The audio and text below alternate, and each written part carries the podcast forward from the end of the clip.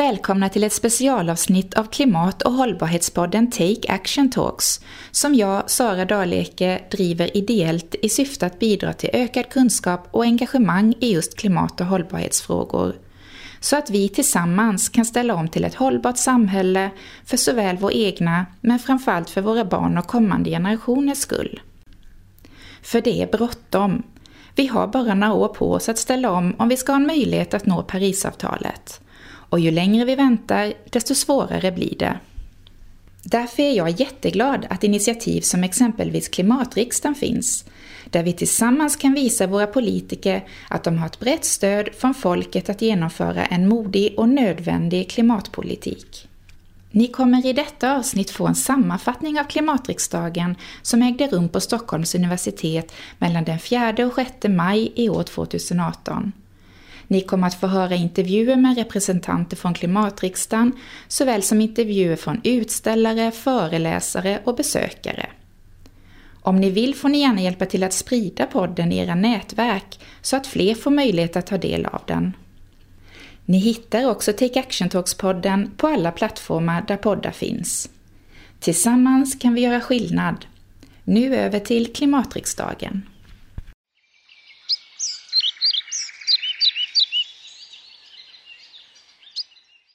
Nu drar klimatriksdagen igång. Det är fredag eftermiddag och jag sitter här med Katrin Rud som är klimatriksdagens eh, presskontakt och en del av kommunikationsenheten för klimatriksdagen.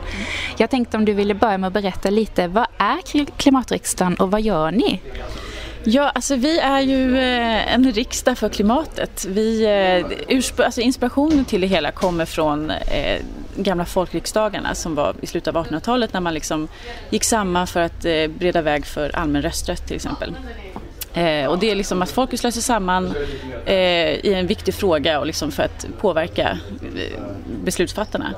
Eh, och det här är ju, det är precis det. Vi, har varit, vi formerade liksom i olika utskott som har tagit emot eh, motioner. De här har behandlats och sen så träffas vi nu i, i maj här och, eh, och röstar igenom det i en riksdag. Det, resultatet av det, eh, de motioner då som liksom röstas igenom, det är 12 stycken som vi ska liksom vaska fram här så att säga. De kommer vi sen gå med till, eh, till eh, alltså riksdagspartierna. Eh, Sveriges riksdagspartier och säga så här, det här tycker vi är ett bra förslag, det här är en bra klimatpolitik. Varsågod, ta till er detta. För att vi, vårt mål är ju liksom att eh, klimatfrågan måste prioriteras högre i, liksom i, eh, i valdebatten och eh, vara liksom en, ja, men en prioriterad fråga eh, mycket tydligare än vad det liksom normalt sett blir.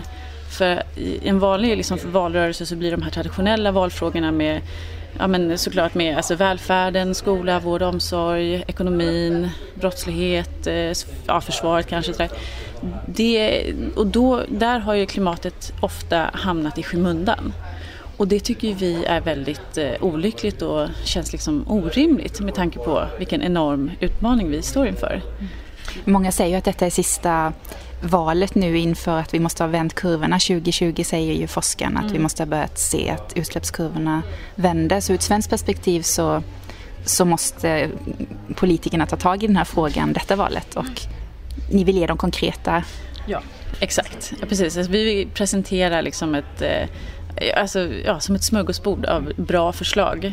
Som eh, är liksom, och framförallt också att vi vill visa att det finns ett stort brett engagemang för klimatfrågan som ger liksom, så att politikerna vågar lyfta den här frågan mer. Alltså det finns ett stöd för att liksom en, en mer offensiv klimatpolitik. Eh, och det, det, måste liksom, det, det vill vi att politikerna ska veta och känna och eh, också känna liksom av pressen av att öka ambitionen. Mm. Och jag tror att, eh, jag menar, det finns ju liksom, det finns alltså starkt engagemang för klimatfrågan ute i samhället. Som det här då, klimatlyxan är liksom ett tydligt exempel på det. Sen finns det också många företag som gärna vill liksom vara väldigt ambitiösa och vara längst fram i utvecklingen med hållbarhetsarbetet. Så. Men det krävs liksom mer eh, ledarskap från politiskt håll. Mm. Så att jag tror att man, man ska bara liksom få, få, alltså få politikerna att se det här. Liksom. Eh, att det har skiftat, att nu vänder det. Nu vill vi liksom klimatfrågan och hållbarhet måste bli en, eh, liksom en övergripande fråga som täcker in allt. Eh, och de här 12 motionerna ni ska rösta fram är ju inom 10 olika områden. Eh, det är energi, ekonomi och gröna jobb, eh, global rättvisa, stad och land, transport har fått två eh, olika för det är ett stort område. Livsstil, mat och jordbruk, skog, mark och vatten, utbildning och övergripande har också fått två. Mm. Och på söndag eftermiddag hoppas vi ha då, en, eller ja, vi kommer att få ja. 12 olika konkreta motioner och ja. lämna över till riksdagen. Ja. Vilka är då era förväntningar och förhoppningar på helgen? Ja, men våra förväntningar och förhoppningar är att det ska bli en inspirerande, kul och intressant och eh, ja, spännande helg där liksom klimatfrågan verkligen får eh, stötas och blötas i, ur alla perspektiv. Eh, men det är också, alltså det är inte bara riksdagen, det är ju liksom också, först så börjar det med en stor galakonsert eh, och sen så är det då parallellt med riksdagen så är det ju liksom eh, seminarier och utställningar och forum så det är liksom en det är en enorm, eh, vad ska man säga, eh, mötesplats kring klimatfrågan den här helgen. Så att vi, ja, vi, vi tycker det känns så kul att det äntligen är dags. Eh, och eh, ja, det börjar redan liksom pirra i magen nu för nu börjar folk komma och det känns liksom väldigt eh, ja, kul. Nu är jag på Forum som är en mötesplats här under klimatriksdagen eh, för alla som driver lokala projekt för att ställa om till ett hållbart samhälle eller på annat vis vill påverka klimatpolitiken i den egna byn eller stadsdelen, arbetsplatsen och så vidare. Och här står jag med Camilla Abrahamsson som, från Spilloteket. Vill du berätta lite vad Spilloteket är för något och vad ni gör? Ja, ja men vi håller till i Jämtland för det första. Eh, och vi tar reda på spillmaterial från den jämtländska industrin. Och Spilloteket är en kreativ återbruksverkstad kan man säga. Vi jobbar med utbildning mot barn och unga och mot pedagoger.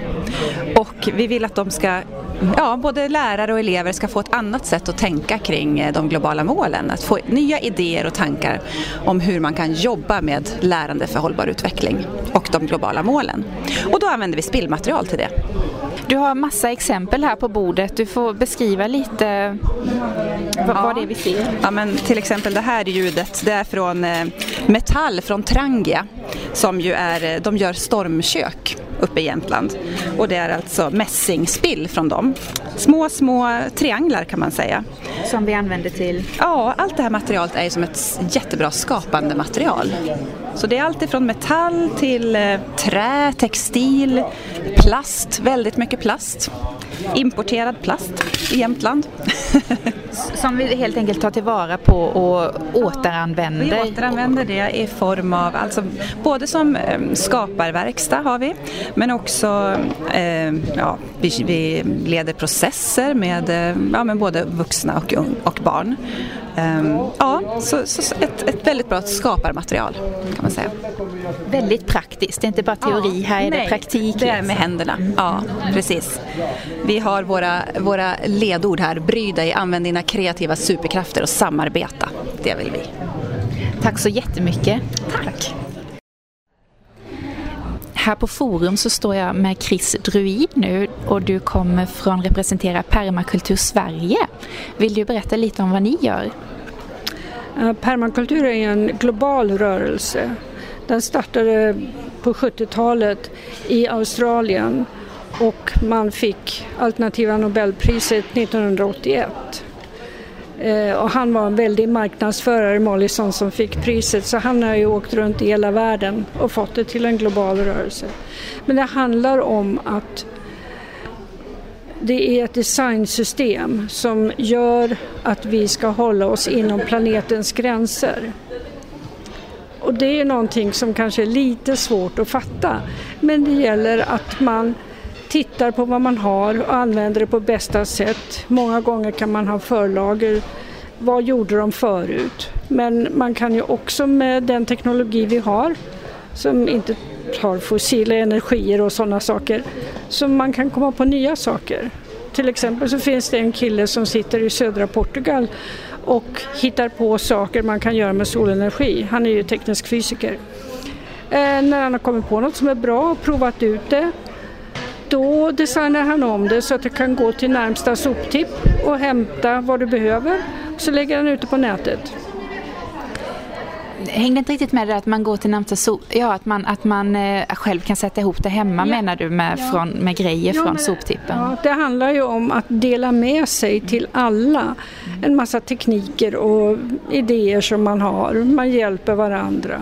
Permakultur handlar ju om att designa allting. Jag menar, det började som en reaktion mot det industriella jordbruket. Men det är lika mycket socialt. För vi skrev ju en sak till COP i Paris där vi betonade att man kan ha världens bästa teknik, tekniska lösningar. Men om det inte fungerar socialt, då är de värdelösa. Ja, det måste ju funka i praktiken och, ja, att, eh, och att det anpassas lokalt i ja. olika kontexter och så vidare. Precis. Hur jobbar ni för att påverka till en hållbar omställning i Sverige? Vi tror att om alla börjar tänka permakulturistiskt, då räddar vi världen. För då går vi inte utanför planetens gränser. Nu står jag här med Eva Lenke från Fossil Free, en, eh, en frivillighetsorganisation som jobbar ja, för att vi ska bli fossilfria. Vill du berätta lite mer vad ni gör? Absolut. Eh, Fossil Free är en global aktivistorganisation kan man väl säga, eller väldigt massa olika kampanjer som samarbetar. Eh, vi har framförallt arbetat med divestering som verktyg. Divestering handlar om att ta bort pengar från eh, skillnaden, alltså motsatsen till att investera helt enkelt. Eh, man ska ta bort sina pengar från kol, olja och gas och allra helst då naturligtvis stoppa in dem i någonting miljövänligt istället. Eh, men eh, vårt mål med den här divesteringskampanjen globalt är att få eh, kol, olja och gasindustrin att helt enkelt, de är inte rumsrena. Alltså vill man vara en seriös eh, framtidstänkande, ansvarsfull fond eller ägare av fonder så bör man inte ha några pengar i kol, olja och gas för kol, olja och gas förstör vår planet. Så det är väl kortfattat vad vi gör och har gjort. Eh, nu håller vi på att utöka eh, så att vi kommer också att eh, jobba med andra fossilgasprojekt. Eh, och där kan det vara nästan vad som helst som till exempel utbyggnaden av Arlanda eller Ehm, en kolkraftverk i någon stad som vi tycker att man ska lägga ner eller ja, alltså alla fossilgasprojekt egentligen. Bil, stora bilvägar, eh, allt sånt. Vi måste sluta bygga fossila infrastrukturer, vi måste sluta bygga gaslinjer, vi måste, alltså, vi måste sluta nu. Vi måste sluta använda ja, fossila bränslen. bränna. Vi måste sluta bränna kol helt enkelt. Och eh, samverk, är ni en nationell grupp här då eller ni samverkar? Uh, internationell. Ja, internet, det förstår jag, men att ni jobbar lokalt här? Vi ni... jobbar lokalt. Vi är uh, Fossil Free Sweden, som jag tillhör då, uh, har flera olika kampanjer i Sverige. Uh, jag personligen är med i Divest Nobel. Vi försöker få Nobelstiftelsen att divestera. Min kollega som inte är här för ögonblicket är med i eh, Divestera AP-fonderna. Våra pensionsbolag i Sverige har fruktansvärda mängder eh, investerade i kol, olja och gas och att våra pengar som vi ska ha till framtiden är investerade i saker som förstör framtiden är ju naturligtvis helt absurt. Eh, så så det är en, en kampanj som vi för närvarande driver tillsammans med Greenpeace som gick ut för någon vecka sedan här och sa att de tänker inte betala in sina pensionspengar till, till bolagen. Nu har, vi har ju inte några anställda så vi kan inte bete oss på det viset men, men eh, vi applåderar naturligtvis och ställer oss bakom det. Ehm, och sen har vi för närvarande fyra eller fem. eh, olika universitetskampanjer i Sverige som pågår. Eh, och det är bland annat Uppsala universitet, Linköpings universitet och några till som inte har divesterat. Stockholms universitet där vi idag eh, divesterade för ett par år sedan eh, och det gjorde även Stockholms stad eh, så, så att, eh, lite senare samma år. Så att, det går framåt. Tack så jättemycket och lycka till med fortsatt arbete. Tack och här är Emma Jernberg från Färnebo folkhögskola.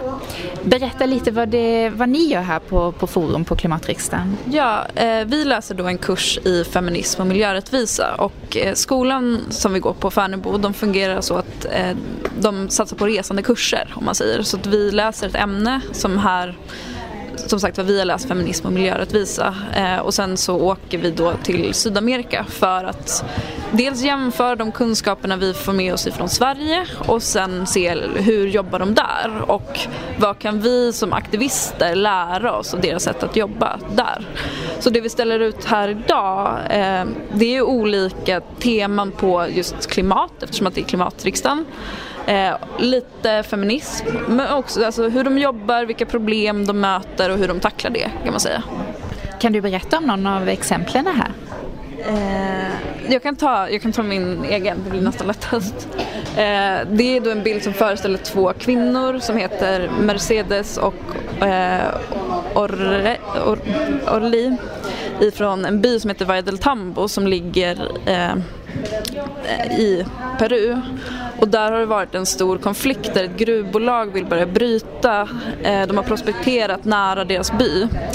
Eh, och säger då att det, det, kommer inte göra någon påverkan på deras klimat eller, men de ser redan nu att det är stora problem med till exempel deras vatten bli, kommer bli väldigt förorenat och då kommer det inte bara förstöra för deras by men också för alla byar som ligger längs den här floden som är liksom flera kilometer lång. Och där utbröt det då liksom stora stridigheter med när de ville försvara sig och då tog de liksom till polis, väldigt grovt polisvåld. Eh, och det jag har valt att fokusera på är då hur kvinnorna inom den här kampen bemöts. För det är många som tycker liksom att de nej, men borde stanna hemma, borde bry sig om sin familj och så. Medan de ser ju det här som ett rejält problem. Det är oftast de som liksom är närmast vattnet och ser först när det blir förorenat. Eh, och då blir det också dubbel bestraffning för mötena, de här stora mötena de har med storföretagen. Där finns det i princip inga kvinnor närvarande. De får inte vara med. Eh, så deras perspektiv lyfts inte. Och också eh, så är det ofta så att männen då i byn eh, erbjuds jobb.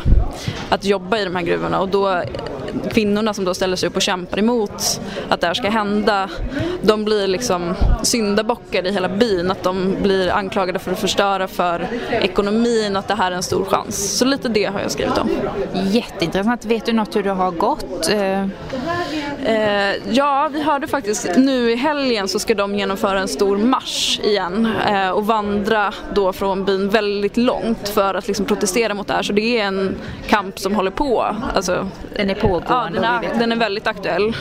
Och ett annat stort problem som vi har tagit upp det är det här med till exempel plast eller sophantering. Eh, och vi spenderade då två veckor uppe i en liten, liten by uppe i bergen. Och eh, när vi var där så tog de ut oss och skulle visa oss liksom området runt omkring och så kommer vi bara till det här massiva hålet i marken som de har grävt där det är liksom mängder med plast Eh, och vi frågar dem så här, men vad, vad, vad, är det här? Och då förklarar de att nej men vi får ingen sophämtning upp hit till våran by och byarna runt omkring. Eh, så vi visste inte vad vi skulle göra med all plast som vi har fått upp hit när de har handlat liksom. Eh, och då var de så här, vi började med att eh, bränna den men så märkte vi att vårt närområde blev förgiftat. Alltså, djuren mådde sämre, växterna mådde sämre. Liksom det blev, de märkte att den här eh, Ångorna, precis, ångorna från plasten blev eh, dålig så då var de, nej, men den enda lösningen som de ser det är att göra det här jättedjupa diket och gräv, gräva det liksom, och förvara det där. Eh, och de, som jag förstod det så ska de då fylla igen det sen och bara liksom hoppas på det bästa. Och det känns som en sån tydlig grej att vi i västvärlden propagerar för så här, engångsartiklar, det ska vara plast, det ska liksom, det är slit och släng. Så det är ju en sån grej som gjorde så här ont att se verkligen att det är det här som är verkligheten på något sätt. Globaliseringen är inte bara positiv, Nej. de negativa aspekterna. Precis, det finns en baksida också. Mm. Och det här har man heller ingen, precis som floden och kvinnofrågan här, det pågår, man, man ser ingen lösning eller hur man ska ta... Nej, det är väl ett så relativt inom situationstecken nytt problem. Eh, så de, det finns liksom inget system för det än. Eh, jag vet att det finns byar, det beskrev de när vi var där, som vägrar ta in plast liksom, till byn. De har så förbud att då får du lämna det där nere där det finns upphämtning. Men å andra sidan det är ju också svårt att göra. Hur ska du transportera vätska till exempel? Så det blir ju också ett problem. Så att, aktuellt. Väldigt aktuellt, jätteviktigt och jätteintressant. Tack snälla du.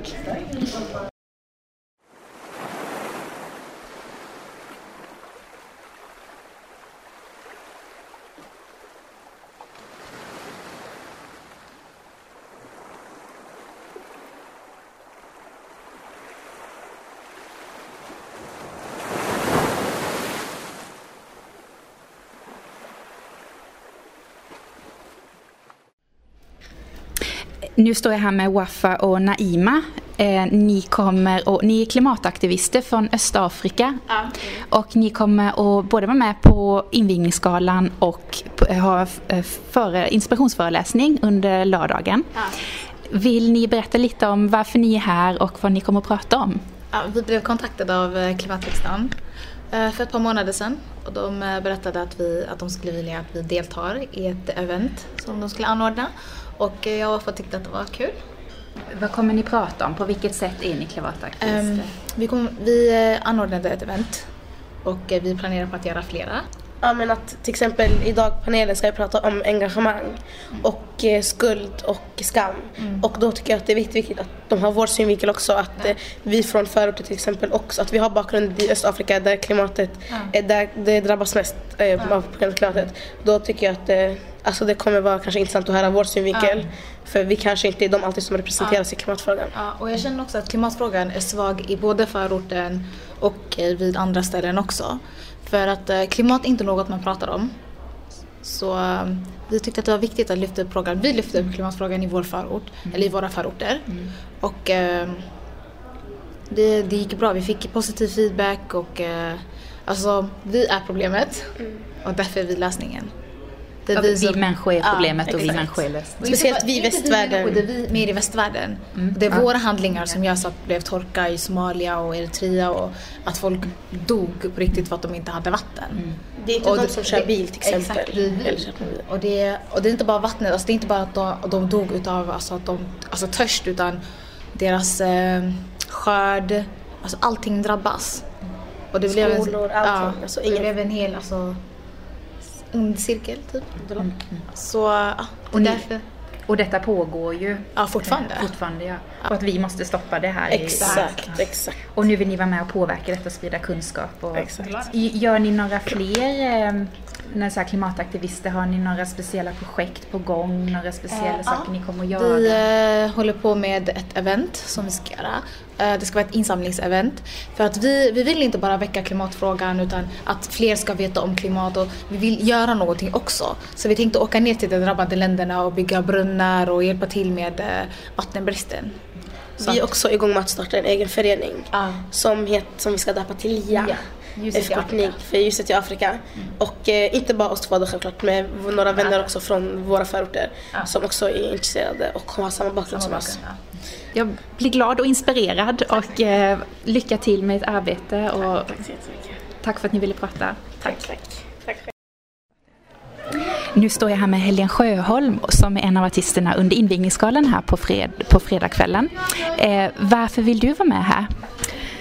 Därför att klimatfrågan är, tycker jag, den viktigaste som vi har vid mänskligheten eh, att fundera på. Så därför, för det är något jag funderar själv på dagligen. Eh, ja men det är en viktig fråga för mig. Och eh, du blev inbjuden av Malena Ernman här och ja. delta hörde jag. Ni ska ha någon duett eller hur? Precis, vi samarbetar Malena och jag har gjort förra sommaren och nu igen den här sommaren. Så då passar vi på nu. Jag kan säga att jag mötte, den här frågan kom upp för mig för ganska många år sedan när jag eh, gick med i Artister för miljön. Mm. Och genom dem blev jag också ambassadör för Viskogen som jag jobbar tätt med. Så att på så vis har jag, ja det har varit mitt sätt att engagera mig i första hand. Och, eh, och därför känns det också naturligt att få komma hit. Mm. Tack snälla. Så lite. Svante Turesson, du är en av artisterna här under invigningsgalan. Vad fick dig att bestämma dig att du vill vara med här i klimatriksdagen? Ja, det var många ingredienser men det var ju, det var ju ett behjärtansvärt en fin tanke att det, här finns, att det finns en sån här riksdag. Och sen att eh, få jobba ihop med mina eh, med musikerkamrater är också en, en, en del av det hela. Så det är, det är väl det jag kan sammanfatta. Mycket bra sammanfattning. Tack så jättemycket. Eh, Malena Ernman och dotter Beata, ni ska vara med här på Klimatriksdagens eh, galakväll under fredagen. Varför vill ni vara med här? Eh, för vår familj är ju miljöfrågan enormt viktig. Vi, vi pratar både pappa, pappa Svante och vår andra dotter Greta. Vi pratar mycket miljö. Vi har också skrivit en bok. Hela familjen kommer om två veckor kommer en bok ut som vi har skrivit tillsammans. Som handlar om oss, om barnen och eh, miljö. Precis. Som är, vi försöker visa liksom att, att eh, den största krisen är ju miljökrisen men att det finns andra kriser också som eh, allt hänger ihop. Utbrändhet, psykisk ohälsa, diagnoser, högkänsliga barn, miljö, utbrändhet. Det blir som att Tanken är väl att det är en bok som handlar om utbrända människor. Människor som är högkänsliga på en utbränd planet.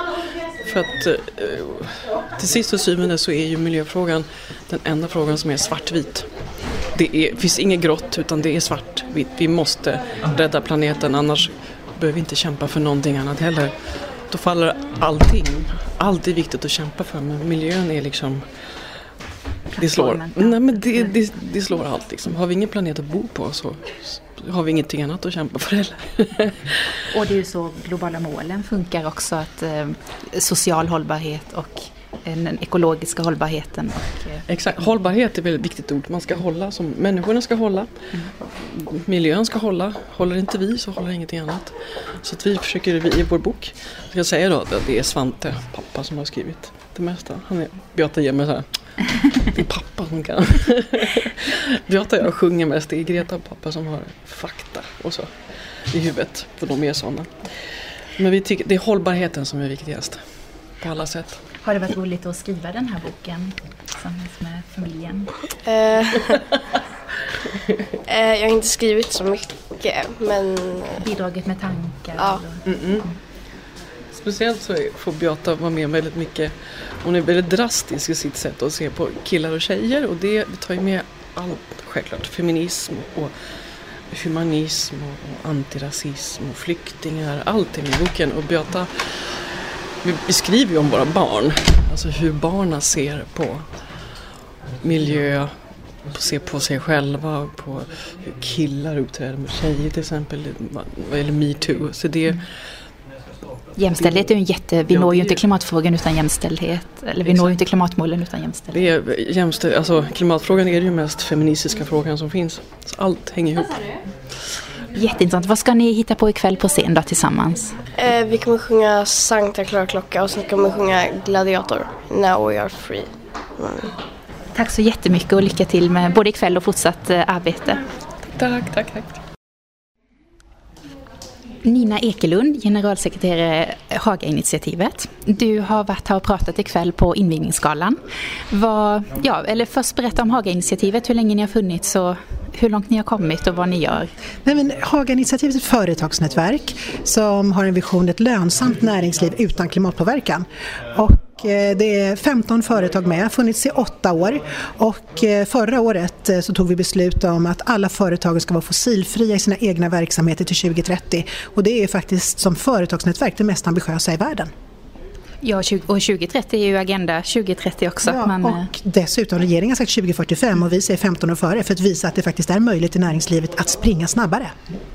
Vilka är de här företagen som är med? Prim, ett oljebolag mm. som eh, håller på att ställa om eh, till tallolja för att vi ska kunna lyckas.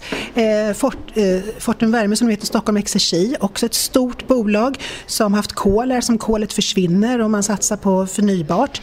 Axfood, Hemköp och Willys som ligger inom den koncernen. McDonalds, Coca-Cola och vi, när man nämner de här företagen, folk, men de kan vi inte göra någonting, det är ju kött och det ena med det andra. Alla de företagen, deras svenska verksamheter har sagt att vi ska vara fossilfria till 2030.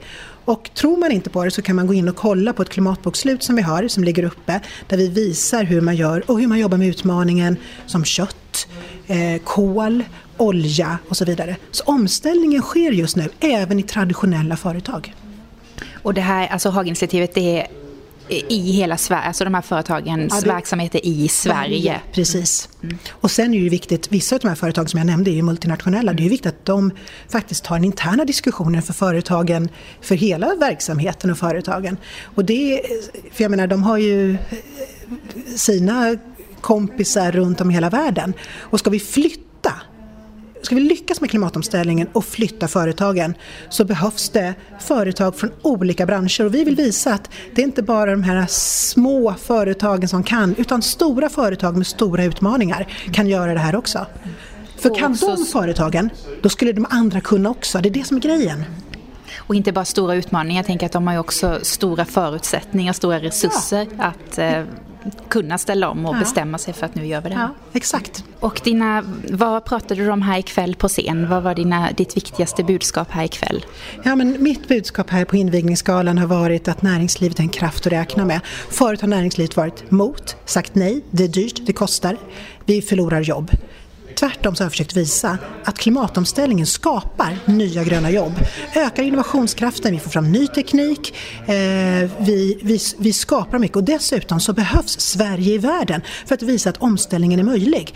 Och då är företagen jätteviktiga. Det handlar inte bara om Sverige som nation. Sverige som nation bygger ju på företagen och då måste företagen springa åt det hållet också. Samt att jag också lyft fram, det räcker inte med politiken. 70% av kapitalet ligger i företagen runt om i världen. Då måste vi få den kraften att springa åt rätt håll och använda företagen till att trycka på för en mer ambitiös politik som faktiskt företagen vill ha. Mm. För det gynnar dem. Det är inte bara lobbying för att få fortsätta med fossilt, Nej. det är faktiskt att... Lob, lobbying för det gröna. Precis. Ja. Ja. Tack snälla du. Tack själv.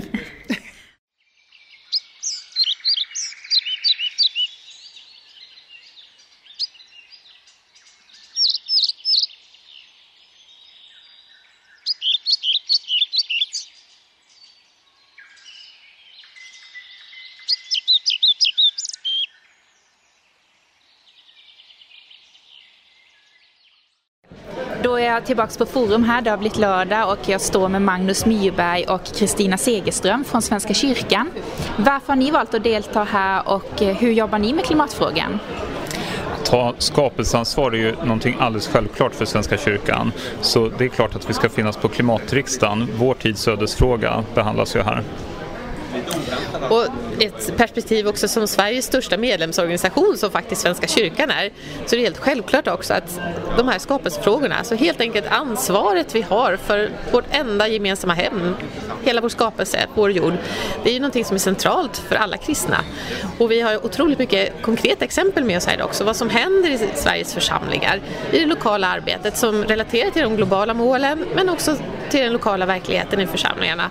Och det handlar om allt från energieffektiviseringar till inköp av ljus och en mängd andra saker. Det, det, var exempel på hur själva Svenska kyrkan jobbar internt med klimatfrågan. Har ni exempel också på hur ni jobbar med externt? kan se att i Svenska kyrkan så möts ju människor till gudstjänst. Vi möter barn, ungdomar och vuxna och äldre i en massa verksamheter i undervisningssituationer och där är vi med och bidrar till livsstilsförändringar genom att ja, peka på ett skapelseansvar men också sprida hopp om att förändring är möjlig.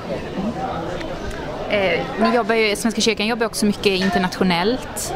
Har ni exempel på det arbetet? Absolut, vi står ju här och berättar utifrån också de internationella dimensionerna såklart av hållbarhetsarbete. Men vi har också en till monter, en trappa ner här med just de så kallade Agera-volontärerna som jobbar specifikt med det. Men självklart är det ju det här, just det internationella perspektivet otroligt viktigt. Det här det lokala och det globala hänger ihop. Och eh, vi har lite bilder med här på just de några projekt som finns i Bangladesh och Indonesien och Indien. Så där, vad som händer i just Svenska kyrkans väldigt stora internationella arbete. Och vi kommer ju från Stockholms stift och vi har ett vänstift i norra Tanzania och där är ju just klimatfrågan en av de punkter som vi möts kring i bön men också praktiskt arbete. Här hemma i Sverige i lokala församlingars arbete för omställning men också ett omställningsarbete lokalt i Tanzania. Så där är vi ju engagerade tillsammans med eh, systrar och bröder eh, på andra ställen i världen i ett lokalt arbete. Tack så jättemycket. Tack själv. Tack så mycket. Då står jag här med Svensk mat och miljöinformation på Forum eh, tillsammans med Per-Anders Jande. Skulle du vilja berätta lite om vilka ni är och vad ni gör? Ja, vi är en liten ideell förening. Vi jobbar med matens miljöpåverkan. Eh, dels sprider vi information om eh, hur maten påverkar miljön och dels försöker vi verka för en hållbar livsmedelssektor. Och eh, vi har flera kampanjer som bland annat går ut på att minska köttkonsumtionen för att göra jordbruket mindre resurskrävande. Och Eh, en av de kampanjerna heter Vegonorm där vi försöker välja, vända på den här köttnormen bland annat i eh, ja, i kommuner och eh, skolor och så där, att man har den vegetariska maten som standard. Eh, och det ger väldigt stor utfall på kommunens klimat och miljöarbete. Och eh, andra exempel på påverkansarbete? Vi jobbar också mot riksdag och regering och har ett upprop här som vi samlar in namn för att sätta upp ett nationellt mål om halverad köttkonsumtion till 2030. Och det är ett mål som vi har hakat på Världsnaturfonden med. Det är de som började med, med att driva det kravet. Det är jättebra att kunna sätta upp något mål så man vet vad man har att jobba mot. Som man har gjort med ekologiskt till exempel och man har klimat eh, ja, klimatramverk. Så att ha de här målen är jättebra.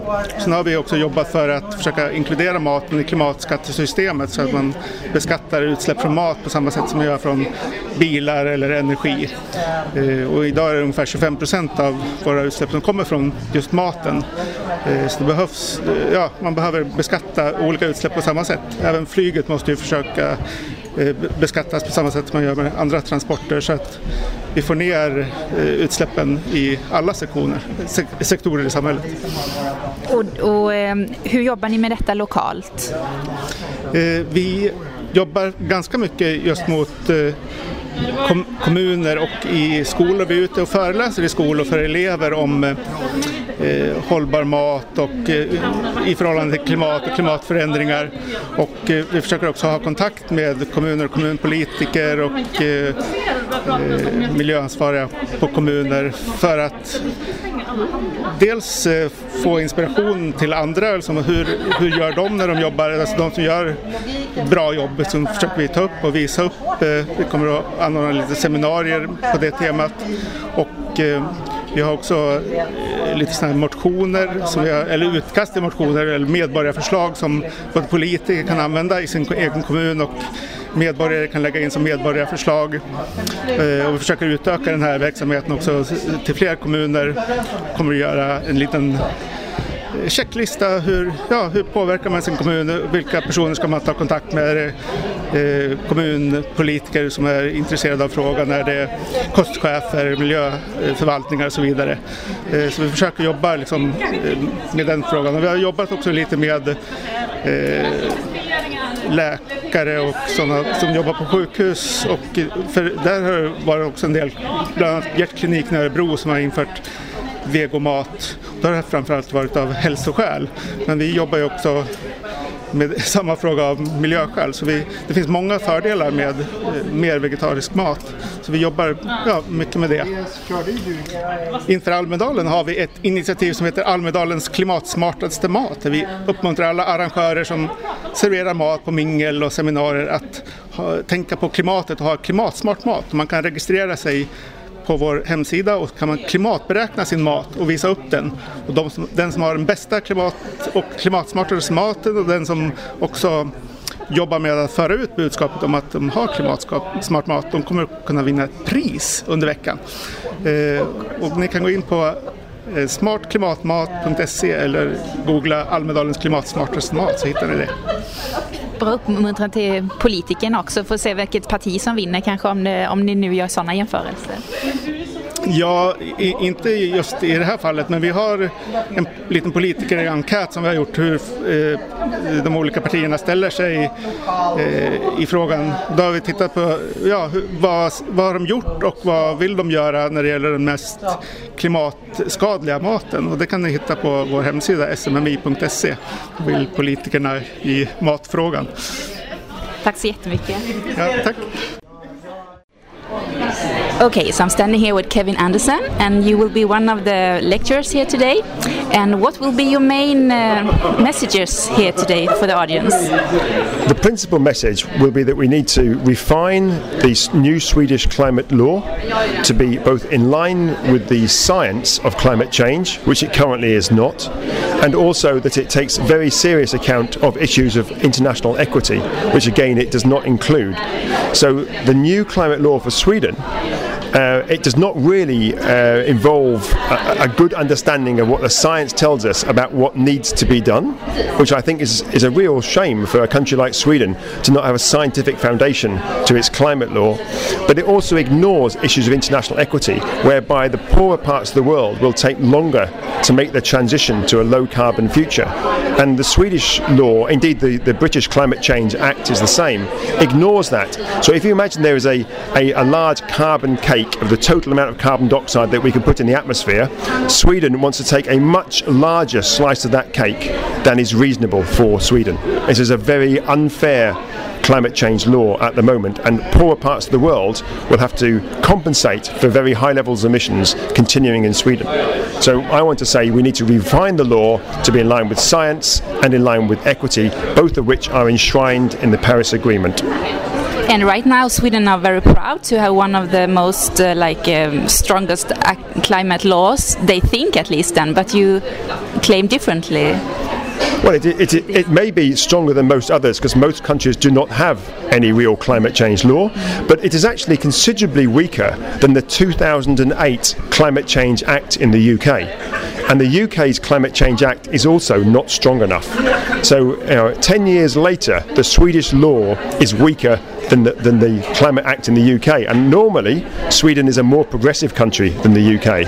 Um, but both the UK and Sweden, that are demonstrating some leadership on climate change, need to go far further than they are doing at the moment. We need more integrity, more honesty, more science, and more genuine concern for equity for, related to people elsewhere in the world who are suffering from climate change today, but also indeed for our own children here in Sweden in the future.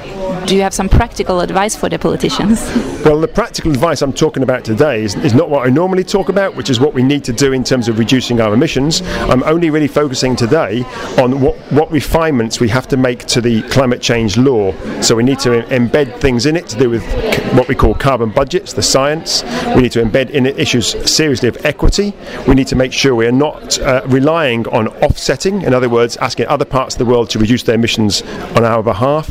Um, and also, we're not relying on something called negative emission technologies. These are technologies that do not exist, that we hope in the future will suck the carbon dioxide out of the atmosphere, and that again is underpinning the climate change law um, in Sweden. So I'm asking for some honesty and some integrity, some science and some equity. Thank you so much. Thank you very much.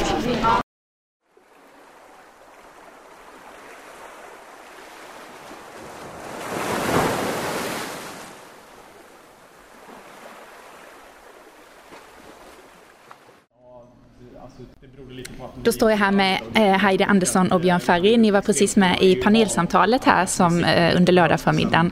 Ehm, fråga nummer ett, varför har ni valt att komma hit? Ja, men det är ju en del i, vi har ju vår egen vision i familjen, man blir fossilfria till 2025 och då känns det som att då är det ett bra forum att eh, sprida det här. Vi kan inte bara göra två personer, vi måste få med oss fler. Och då, därför är vi här. Och klimatfrågan, det är ju den stora frågan. Det är en global fråga, det handlar om, det är vår väl, välfärdsfråga och framtidsfråga.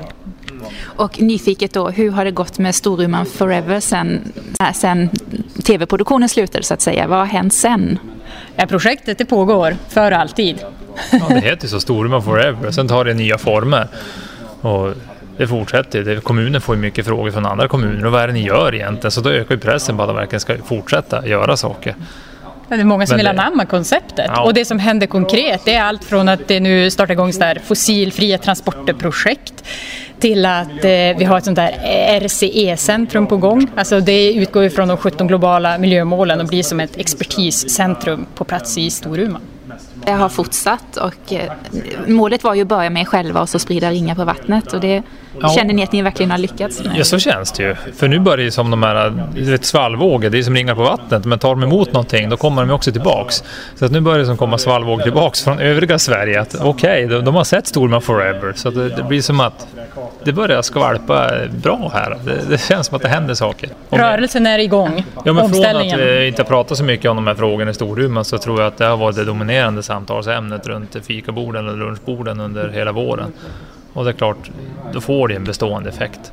Och inte bara i Storuman, det är ju det som är så fascinerande. Ja. Utan det har pratats runt om i Sverige. Och det var det som var målet, att få till diskussion. Men sen vill man ju också att det inte ska stanna bara vid diskussion utan att det också ska bli aktion. Och- Men det känns ju ändå som det har blivit en del action utifrån det ni beskriver här. Att ni gav några exempel vad som hände i Storuman och att andra kommuner har hört av sig och vill anamma konceptet. Och... Absolut, det händer saker Ja, och mer ska hända. Och sen även i den nationella debatten så pratas det mer och mer om ner på individnivå, fly, flygdebatten och så vidare. Så det känns som att det har tagit en annan riktning och att det börjar bli mer nyanserat i pratet. Det är mindre forskare och is som smälter i Arktis. Nu börjar vi vara inne på mera nationell och lokal nivå och det är där det måste hända. Och apropå lokal nivå och jättelokal nivå då, hur går det personligen med, hur långt har ni kommit på målet till fossilfritt 2025? Jag ligger på 3,2 ton. Och utgångsläget var ju 15 och jag var nere på 3,7. Så det var ju ändå att kapa en stor del på knappt, ja det är två och ett halvt år. Det känns ju väldigt Och vi har inte slutat leva och vi har inte grävt ner oss i en myr. Nej, men då kan man ju säga att då var man ju aktiv och åkte runt världen och tävlade i skidskytte och du också. Men om vi tar från när vi slutade med det så låg vi på 9 ton. Så då har vi ändå tagit två tredjedelar av det. Och det är ju i sig en ganska stor skillnad. Men det är nu det jobbiga börjar. Börja med alltid lätt. Börjar man träna så ger det snabbt resultat. Sen blir det, sen blir det en utmaning. Det blir svårare och svårare och vi blir mer och mer beroende av samhällsförändringar. Att det, ja precis, det, vissa grejer kan man ju inte ändra själv utan det är samhällets strukturer som måste ändras för att... Lagar och regler och styrmedel. Ja, visst är det så. Det är svårt att fara och handla någonting på mataffären utan att eh, ha genererat några utsläpp av fossila bränslen. Får bara äta polarbröd i framtiden. De ska ju vara fossilfria till 2022. Ja. och lokalproducerat. Jajamän. Ja. Men eh, det ska bli spännande att följa er. Följa er. Man kan följa er i sociala medier. Var hittar man er? Fossilfri.com och därifrån hittar man då ut till alla sociala medier som vi finns i. Stort lycka till och tack så jättemycket. Tack, tack. själv.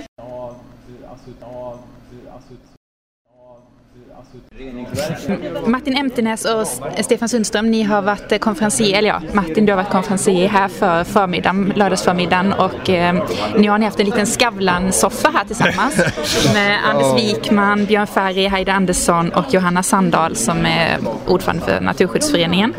Eh, varför har ni valt att delta i klimatriksdagen? Ja, det var, jag fick frågan från, eh, från Karin som jag känner sedan sen gymnasietiden.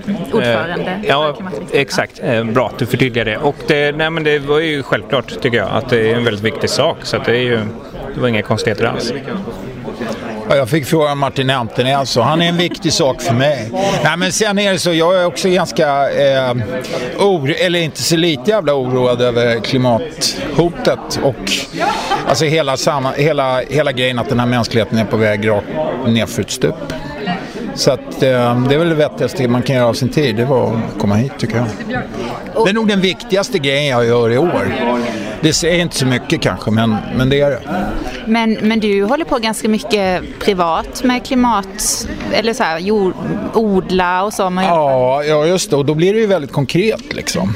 Så att, ja, det är sant. Så hur, hur klimatsmarta är ni privat eller hur, hållbar, hur hållbart lever ni själva?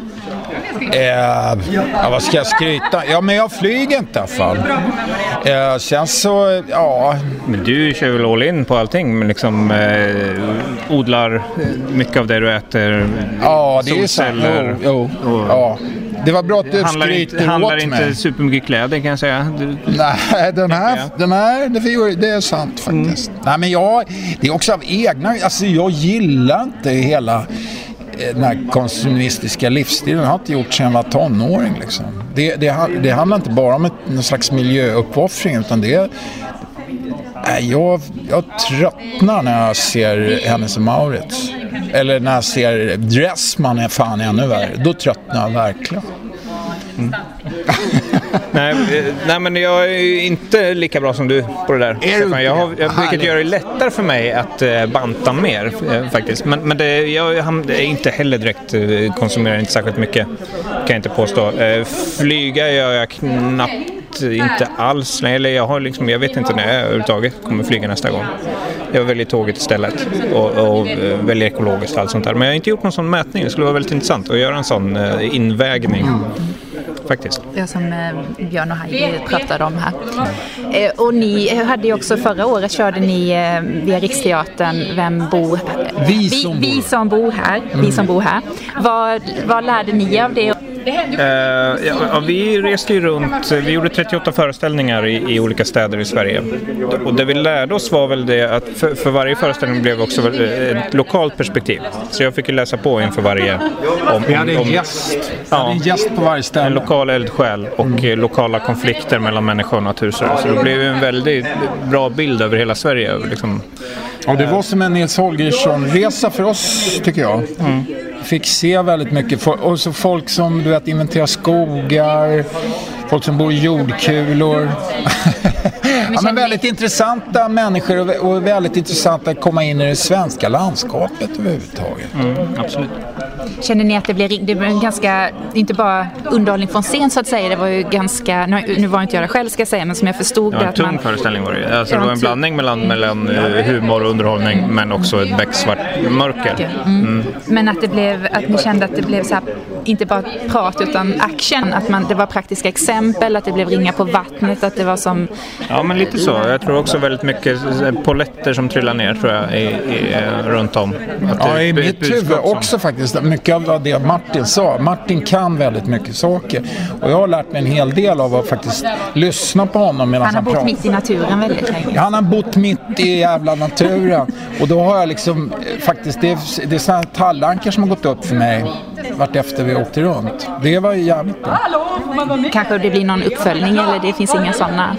Äh, inte exakt som det där var men äh, någon slags samarbete. Vi... Ja, han, tr han är trummis så vi ska spela in en skiva ihop. Ja, och sen ska vi ut på turné ja. i musikbranschen. Tack så jättemycket och lycka till med plattan då. Som... Ja, tack ska du ha. Tack ska du ha. tack. Eh, nu står jag här med några besökare. Ni får presentera er själva och var ni kom ifrån och var ni, varför ni har velat komma hit. Jag heter Kristina och jag har varit aktiv i klimatet sedan 87 när jag pratade om växthuseffekten i Hallstahammars kommun. Och sen här jobbar, är jag nu med en grupp psykologi, psykologi för klimatet och vi har lämnat en motion som handlar om eh, konsumtions eh, utsläppen, konsumtionsbaserade klimatutsläppen, att de måste minska. Och då har vi bland annat skrivit att vi vill att eh, riksdag eller regering ålägger Naturvårdsverket att göra en sån information som når ut till alla människor. De har jättebra information men den når bara ut till de redan frälsta. Så att eh, ja, det är det den går ut på. Och då... det är viktigt att allmänheten är informerad så man åtminstone vet att, det inte, att en flygresa inte kompenseras av att man sorterar sopor. Då får vi se imorgon om den ja. vann den gruppen. Mm. Hoppas många röstar på den. Eh, och här har vi Bodil. Och jag eh, har kommit hit mest för att få inspiration för vad man kan göra och vad man kan göra både i sin eh, närmiljö och i eh, kommunen som jag bor i som är en kommun som inte är speciellt inriktad på någon klimatomställning. Har du fått några konkreta tips här då? Ja, det tycker jag. Jag tycker det finns må många tips kring både hur man kan eh, påverka eller vända sig till och, och agera för att försöka påverka eh, kommunpolitiker och eh, eh också finns det ju en massa tips på vad man kan göra som individ också. med sitt eget. Har ni varit på en speciell eh, föredrag som ni tyckte var extra intressant? Eller ni har mest gått runt och tittat på utställning och forum? Och... Jag har varit på olika, både i den stora hörsalen och hört föredrag och varit på, på mindre gruppsittningar. Mm. Är det något som har varit mer inspirerande än något annat? Nej, jag tänker sammanlagt så blir det liksom väldigt mycket. Man får plocka lite här och lite där. Så att det blir, ja så får man liksom olika idéer. Så får man gå hem och smälta det hela och se vad man kan, hur man kan jobba vidare. När det väl blir rent konkret. Mm. Och här har vi Ann. Och jag är imponerad av att det har blivit så här bra som det har blivit eftersom det nästan höll på att läggas ner ett tag med klimatriksdagen, att man inte orkade genomföra det och så är det en succé faktiskt. Ja, så det vill jag verkligen tacka för. Och ja. Och vad har du fått med dig härifrån? Har du något, specie något speciellt du har tagit åt dig? Någon speciell kunskap eller inspiration? Ja, jag har antecknat på föreläsningar och så. Jag har, tag, alltså jag har i huvudet sådär att eh, medvetenhet gör ont. Och jag lyssnade nu på en jätteinspirerande föreläsning om skogen och liksom hur vi förstör den svenska skogen. Och Sverige och Finland förstör, förstör, förstör sina skogar värst av hela Europa. Alltså. Det, och det är för jävligt att det blir plantager istället för riktig skog. Att vi kallar det för skog, det är inte skog längre. Ja, det var en jättebra föreläsning faktiskt och det, liksom, det gör verkligen ont att veta det och jag är väldigt engagerad i skogen också. Mm. Var det, gav de också någon, någon hopp, några konkreta förslag på bättring eller? Nej men jag tänker där som Kristina sa att, med, att medvetenhet gör ont men att det är liksom vägen. Man måste bli medveten och man måste sprida medvetenhet och att det inte finns någon genväg egentligen. Alltså det, det man måste få kunskap för att kunna göra rätt. Jag är med i det här klimatsvaret och vi har ju en metod och det är att öka, att införa en stadigt stigande koldioxidavgift som delas ut i lika delar till alla vuxna medborgare. En väldigt osvensk metod, den är också amerikansk egentligen. Men det är en metod hur man faktiskt skulle kunna göra utsläppen dyrare och ändå få politisk enighet och folkets stöd, medborgarnas stöd för det förslaget. Så och vad, vad, kan man eh, hitta mer information om? Ja, på eh, Klimatsvarets hemsida. Googlar man på Klimatsvaret så hittar man. Mer information ja. Tack så jättemycket, får ni mingla vidare här. Ja. Tack. Han är, han är både lördag och söndag. Ja. då, då, står jag här med, ni får presentera er och var ni, var ni kommer ifrån och varför ni har valt att komma hit till klimatriksdagen. Eh, jag heter Klaus Stein och jag kommer från Arvika eh, och jag är miljöintresserad. Eh, bakgrunden är att jag jobbar inom hälso och sjukvård och ehm, letar lite efter annat folk som driver miljöfrågor i just hälso och sjukvård som är annars ganska, ganska förbisett del av eh, klimatdiskussionen egentligen. Vi pratar mycket om bilar och eh, transport och mat och allt så här. Sjukvård är ingen som pratar om och det stör, det stör mig för att jag tycker vi i sjukvården ska ha också ett en, en, eh, en bit att, att bidra med. Absolut, sjukvård är ju hälsa och det sociala aspekten av hållbarhet och hänger ju ihop med luftföroreningar och inte vet jag, kött och motion och Precis, och en jättestor industri som har väldigt klimatavtryck. Så, som, mm. Det också? Ja, ja, ja. Har du hittills då, har du, vad tycker du om klimatriksdagen så långt? Har du blivit inspirerad? För ja. Träff, träff, träffat några som jobbar med sjukvård? Och, ja, jag, jag, tycker det är jättekul att överhuvudtaget träffa så många människor som, som har ett sånt här starkt miljöintresse. Alltså är man, eh, är man ute i glesbygden som jag eh, och är lite, har ett miljöengagemang så är det lite, man känner sig lite ensamt ibland. Så. Men här är ett, eh, ett helt universitet fullt med miljöentusiaster och det känns jättekul. Så det, det smittar verkligen av sig.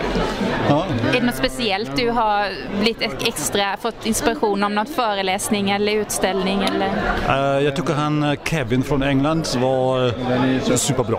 För att det, han, han säger hur det är osminkat. Let's, let's do it rakt på sak. Eh, så här gör vi. Punkt. Så. Och det, det gillar jag. Det och här hittar vi Peter Lindström heter jag. Jag jobbar inom tjänste och ekonomisektorn kan man säga. Och jag, jag kom hit mest för att höra lite god, goda idéer och sådär. För att annars när man pratar om klimat så är det alltid så deppigt. Så att jag tyckte det var roligt, intressant och spännande att se om jag hittar lite nya goda idéer. Känner du att du har fått lite goda idéer och positiva, eller för, hoppingivande? Ja, lite mer hopp faktiskt. Eh, fast tyvärr så kom jag från ett, ett seminarium som jag tyckte var lite för mycket sälj och lite för lite eh, kvalitet, tyvärr. Jag är lite ledsen för det. Men eh, det gör inget. Nej. Har du, är det något eh, annat som du tyckte var desto bättre? Ja, hela förmiddagen här tyckte jag var helt fantastiskt i stora salen. Jag tyckte det var riktigt, riktigt kul och spännande och med väldigt bra talare. Ja, Kevin Andersson och Anders Wikman och, och med flera. Och de många tjejerna i början. Ja, från Östafrika. Ja, inspiration, absolut. Klim, unga eh, lokala klimataktivister. Eh, och här har vi Kristina Lindstrand. Mm. Eh, jag är eh, här för att jag tycker att det är viktigt att liksom knyta ihop alla de här frågorna med, med miljö och jämställdhetsarbete och det globala. Eh, och det har, ju det har ju tydliga kopplingar med varandra. Det här jämställdhetsföreläsningen var jättespännande tycker jag, där man ser att att patriarkala strukturer styr väldigt mycket och att det är det någonting som vi behöver fundera kring och jobba tillsammans män och kvinnor i det. För det är det som styr politiken också, så det kan vi koppla till Anders Wikman och det som han också pratade om. Hur ser representationen ut? Ja, män och kvinnor och människor från olika länder och etniciteter. Varför är det så vitt här idag kan vi fråga oss.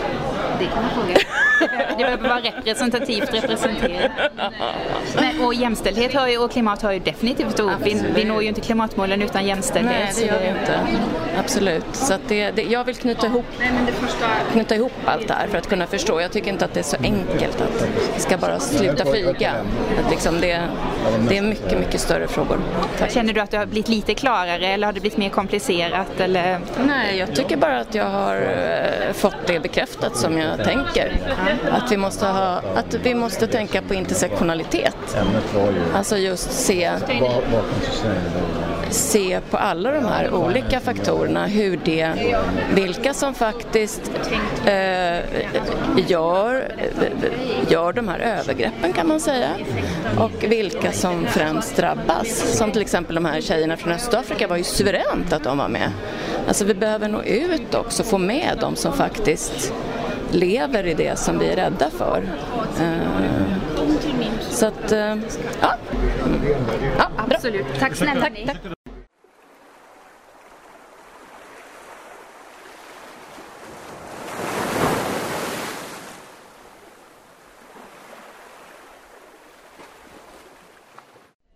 Eh, då står jag här med David Bennett eh, från Omställningsnätverket. Jag har precis haft föreläsning här inne. Eh, vill du berätta lite vilka ni är och ja, vad föreläsningen handlade om? Omställningsnätverket eh, syftar till att eh, skapa eh, samarbete och, kun och sprida kunskap mellan olika omställningsinitiativ och omställningsliknande initiativ som finns runt om i Sverige. Och det är de initiativ då som eh, jobbar för ett eh, hållbart och resilient lokalt samhälle. Alltså ett, ett samhälle som eh, kan stå pall för, för eventuellt kommande kriser och ökar livskvalitet för de som, som bor där i närområdet. Det är ett grannbaserat samarbets och utvecklingsform så att säga som tar tydligt avtryck utifrån ett eh, systembaserat och holistiskt perspektiv eh, där vi ser att alla kriser är ett, eh, eller många kriserna är en symptom av djupare, djupare kris i, i, i vår civilisation i princip. Så klimathotet är ytterligare ett symptom. Det är lite grann som nämndes i morse. Så ni, ni vill jobba lite med grundsymptomen för att, för att förhindra de här olika kriserna? Ja, det är lite grann ett, äh, att, att tänka om eh, systemet. Äh, lite grann. Eller i alla fall, att, att det, man pratar om paradigmskift lite titt som tätt. Men det, det, är ju det, är ju det vi, vi, vi tänker på. Liksom. Vi, vi är inne i ett system. Vi är en del av en kultur som har förlorat kontakt med, eh, med sig själv och planeten. Eh, så det är att, att, att återfå eh, att, att återfå kontakt med, med både sig själv, med varandra och med planeten. Och, det med, med, med den förståelse och insikten så kan man förhoppningsvis se på världen med nya ögon och vilja arbete för, för det som man vill se i världen. Um, vi utgår mycket från uh, arbete som Joanna Macy och Charles Eisenstein har gjort. Uh, och vi har också presenterat idag Aktivt hopp. Um, där, där vi, uh, vi uppmuntrar, vi, vi identifierar de, de uh, intentionerna som folk har. som de vill se i världen. och även om det sägs vara 5% möjlighet eller chans att, att lyckas uppnå Parisavtalet så eftersom vi, har, vi känner så stor kärlek för planeten så kan vi inte, vi måste försöka i alla fall. För det finns ju ändå hopp, det är ju inte kört. Ja, ja, att vi kan öka det hoppet. Ja. Så ni finns, ni finns utspridda i många, på många platser i Sverige eller ni, ni är som ett stort nätverk över hela Sverige? Eller? Omställningsrörelsen eh, började i England och är globalt. Mm. Så det finns, eh, det finns sådana som vi överallt uh, nu. Um, och, det, och, och, vi, vi syftar till att, att koppla ihop, uh, koppla ihop um, initiativ i Sverige och att uh, upprätta kontakt med andra nationella hubbar i andra länder. Så vi har kontakt i, med, med, olika omställare i Europa och resten av världen, mest Europa i och för sig.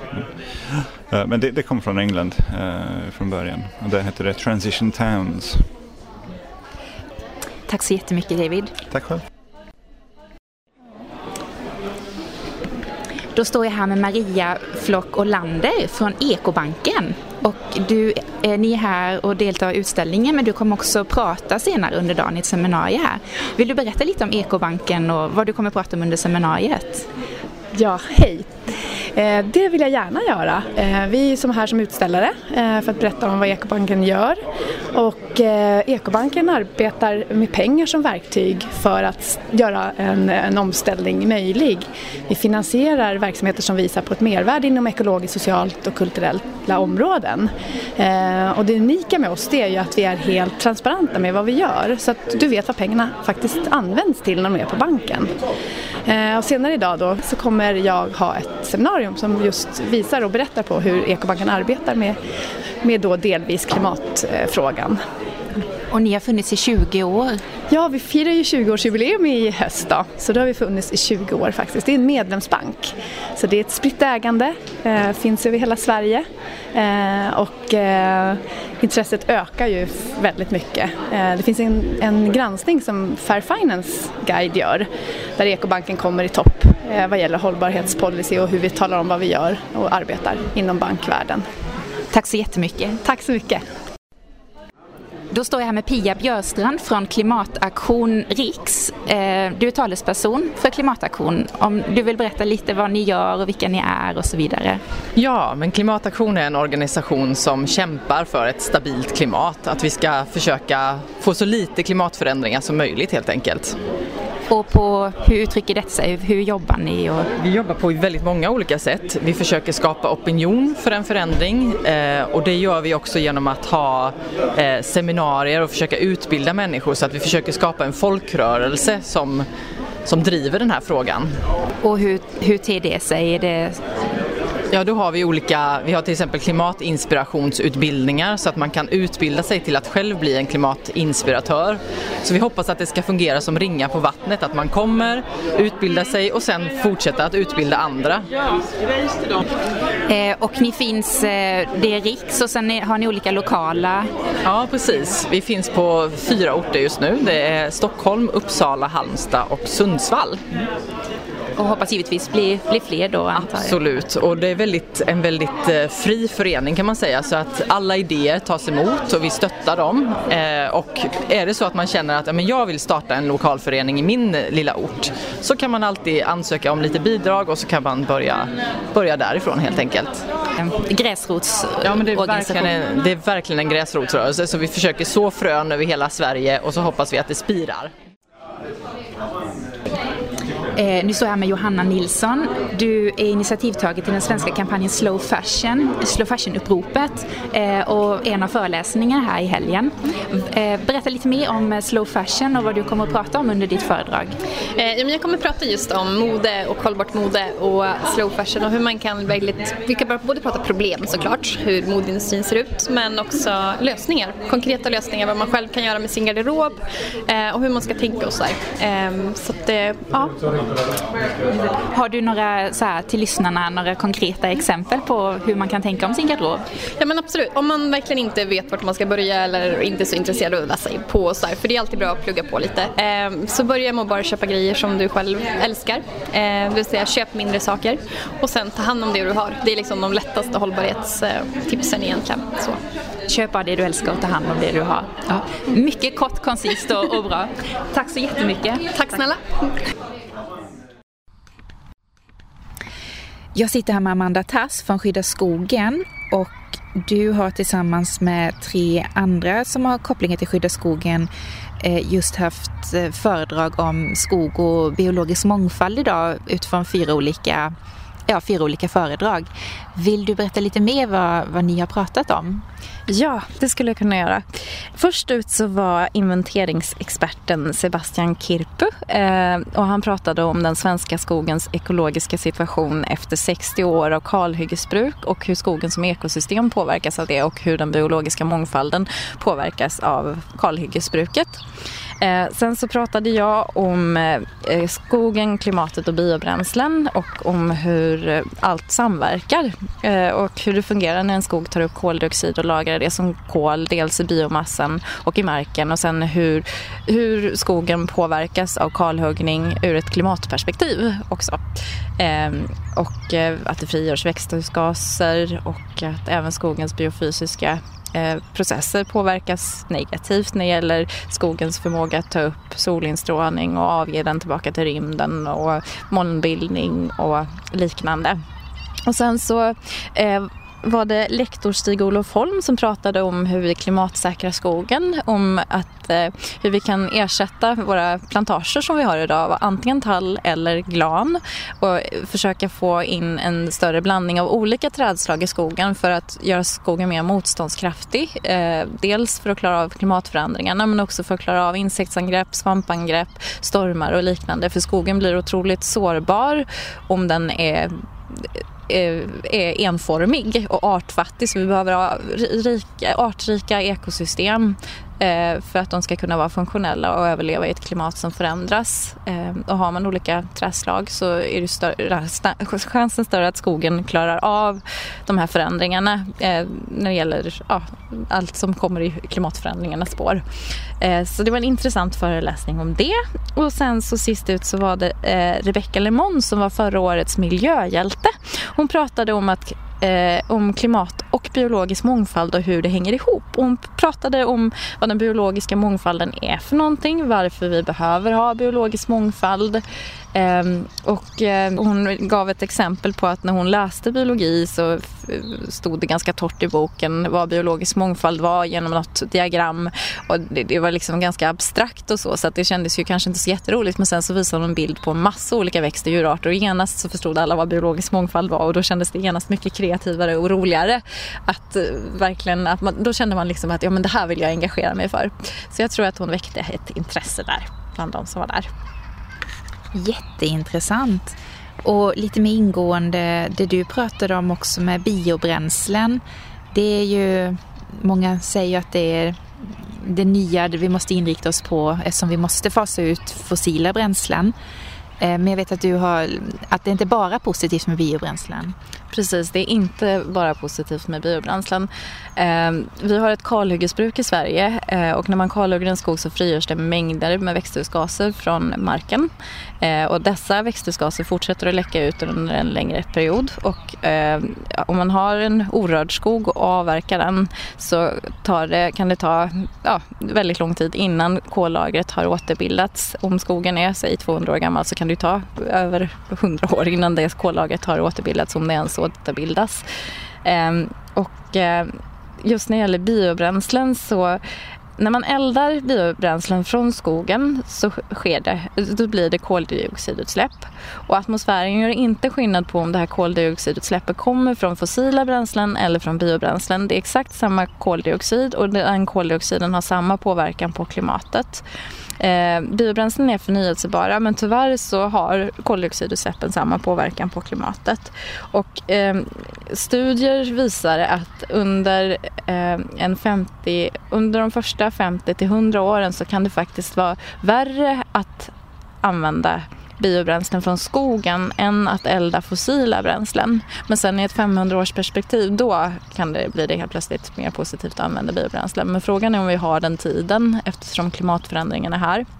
Så att eh, många är otroligt optimistiska nu när det gäller biobränslen och eh, tycker att det kan vara det som kan rädda oss från klimatförändringarna. Men eh, vi bör ha ett mer holistiskt eh, synsätt och förstå att det finns eh, ganska rejäla nackdelar med biobränslen också som vi måste ta hänsyn till. Och också att det, det finns ju olika slags biobränsle. Nu pratar du främst utifrån biobränsle från skog men att man kan ju få biobränsle från olika så det är mer eller mindre stor påverkan eller vad man ska säga. Precis, det finns en rad olika biobränslen. Man kan ju elda upp jordbruksgrödor och man kan elda upp salix från energiskogar och liknande. Eh, det går väl att elda upp avfall och så också.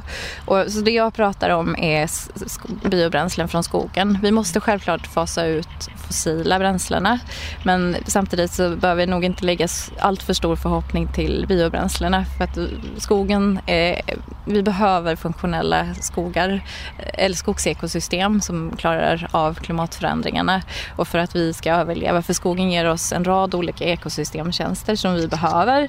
Vi får ren luft, ren vatten, pollinering och liknande. Och förstör vi de här skogliga ekosystemen så sabbar vi lite för oss själva också. Um, så ja, komplext med, med, med, andra ord. Mycket komplext. Mycket komplext. Ja. Men, men det finns ändå hopp Ja, med tanke på att vi står inför en katastrof både när det gäller den biologiska mångfalden och klimatförändringar så måste vi ändra hela vår livsstil och vår konsumtion. Vi kan inte fortsätta att leva som vi gör idag så vi måste minska vår eh, energianvändning och satsa på energieffektivisering, minskad konsumtion och mer återvinning eh, och återanvändning.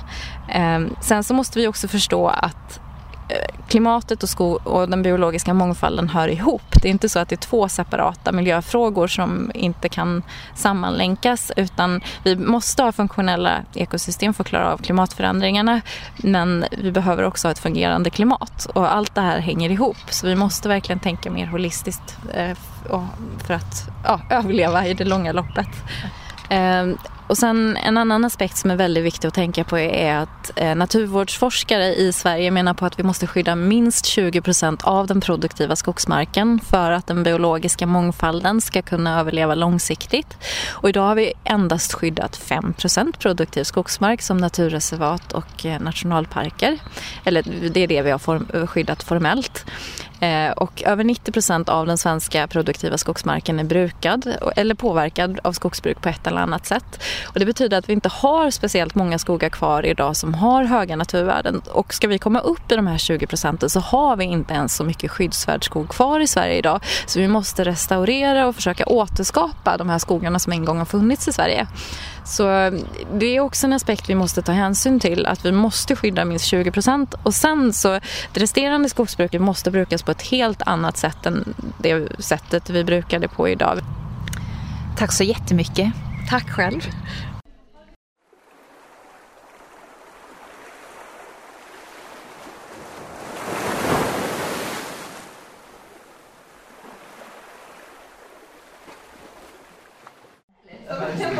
Eh, nu står jag här med Adam Leckius och Alexandra Lindström. Eh, berätta jättegärna lite var ni kommer ifrån och eh, vad ni har pratat om här under klimatriksdagen. Ja, jag kommer delvis från Push men också frilansare som föreläsare för ungas drivkraft och har föreläst på ett läger som heter Miljötinget. Och... Ja, jag har varit med i Push ett antal år och nu jobbar jag med det internationella arbetet i, i Push. Och vad är Push? Precis.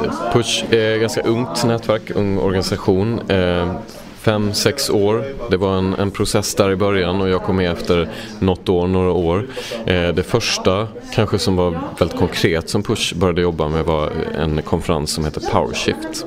Och det jobbar vi fortfarande med och organiserar eh, återkommande och kontinuerligt. Och sen då, som riktar sig mot ungdomar? Som riktar sig mot ungdomar, precis. Förlåt, hållbarhetsmässa för ungdomar liksom. Som är väldigt i linje med vad Push är, ett nätverk. Och sen eh, också då tidigt eh, i processen så kom ju Pariskonferensen, klimatkonferensen i Paris. Och då inför det så var det eh, flera i Push som var väldigt engagerade i det och ansökte om att bli observatörsorganisation inom FN. Och det var man då i Paris och eh, skickade ner ett stort gäng och sen har vi förvaltat det och det är det jag jobbar med nu. Och ut och informera och engagera ungdomar om, om, Sveriges roll i världen och internationell klimatpolitik och om jag förstått det rätt? Eller? Absolut, det är ju eh, liksom ett, ett ben som är helt centralt och det, nu hade vi ett seminarium här precis och försökte eh, få upp de frågorna, internationella dimensioner. Så det är ju en, en jätteviktig del och sen gör vi så mycket vi kan även åt andra hållet så att säga in i förhandlingarna och påverka väl på plats eh, på olika sätt genom olika nätverk där. Så att både kommunikation utåt, vad som händer och engagera och inspirera eftersom många ungdomar tycker det är liksom lite coolt, att, eh, vilket det är, att vi kan vara med på klimatförhandlingarna. Och sen också då policy och, och eh, lobbying då, ungdomslobbying. Och Alexandra, du, du har varit mycket ute och föreläst här i Sverige som jag förstår det just för ungdomar. Ja, är ungdomar engagerade i hållbarhetsfrågor? Mm. Jo, det skulle jag säga absolut. Jag tror att det handlar mycket om att hitta den här gnistan eh, och fånga upp ungdomar som är redan engagerade. Eh, väldigt, väldigt många unga är engagerade men inte vet vad de ska göra med sitt engagemang. Eh, och därför tror jag det är så viktigt att hitta de här förebilderna eller att hitta organisationer för att kunna alltså, börja engagera sig och bli aktiv i frågan. Så ja, det finns jättemycket ungar som, eller unga som är engagerade idag men jag tror att de behöver ha en förebild eller en, en guide vart man ska, hur man ska engagera sig. Och då tillhandahåller ni praktiska exempel på hur man kan engagera sig eller? Som när jag åkte runt eh, och frilansade som föreläsare då handlade det mycket om att eh, både tända gnistan hos unga men ändå också att sätta upp en visionbild att ta det här engagemanget och ställa frågan vad vill du specifikt göra? Är det någon, om man kanske är intresserad, jag pratade med en tjej som var jätteförvirrad. Hon ville verkligen engagera sig men hon visste inte vad hon skulle göra. Um, så då frågade jag henne, men vad är ditt intresse? Och då sa hon, att jag är ganska intresserad av mode. Och hennes ögon bara lös upp och hon blev jätteglad och hon bara, men jag kan hålla en loppis.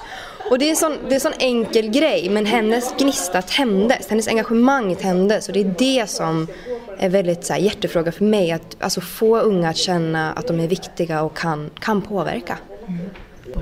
Du står här och nickar, du vill... Ja, nej, men bara det är fantastiskt det som Alexandra gör och just vara ute och föreläsa och, och knyta an till det här och, och kan jag bara säga för Pushs del då att det är det just det vi vill erbjuda, ett nätverk där man sen kan komma vidare i sitt engagemang och, och, hitta andra som är engagerade i samma saker eller om man vill utforska något nytt. Det är, det är liksom hela målet med vad, vad, vi vill, vad vi vill göra och vi tror att det finns ett utrymme för det och ett, alltså en nödvändigt utrymme.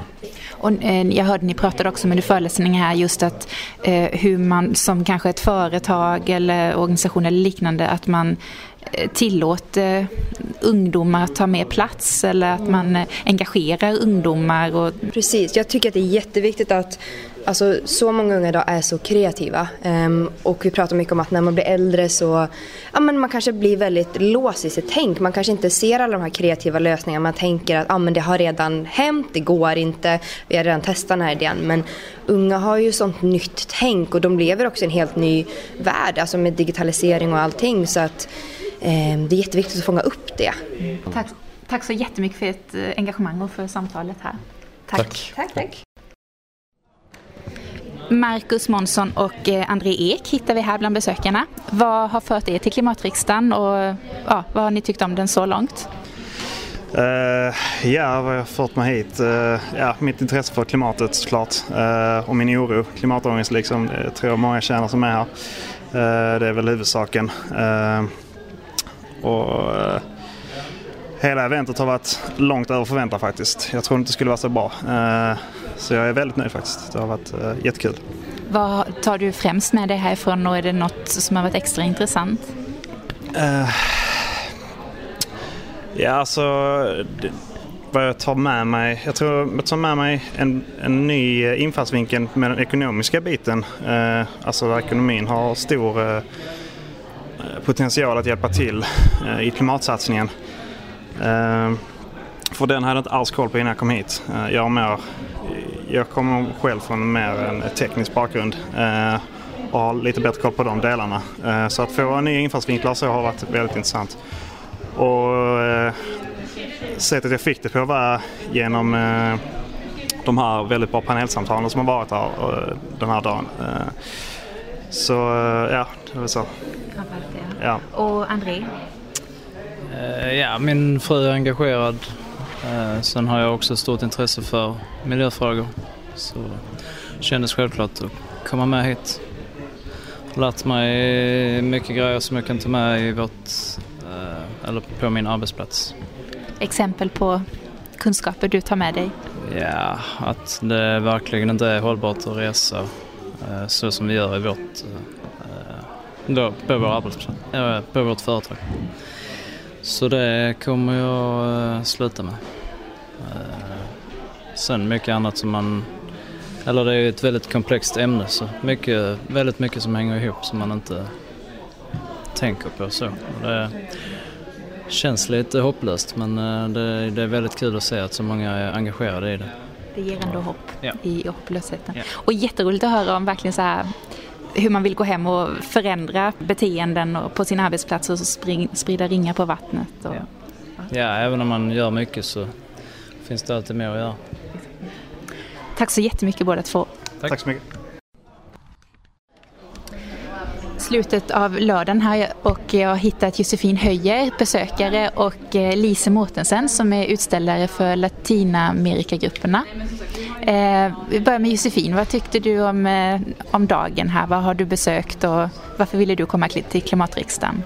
Ja, eh, jag har faktiskt inte varit på så himla mycket saker idag för att det har varit väldigt mycket mingel som pågått här så att jag har varit på ett eh, seminarium med Latinamerikagrupperna om eh, global eh, livsmedelsindustri och matsuveränitet, agroekologi och sådär.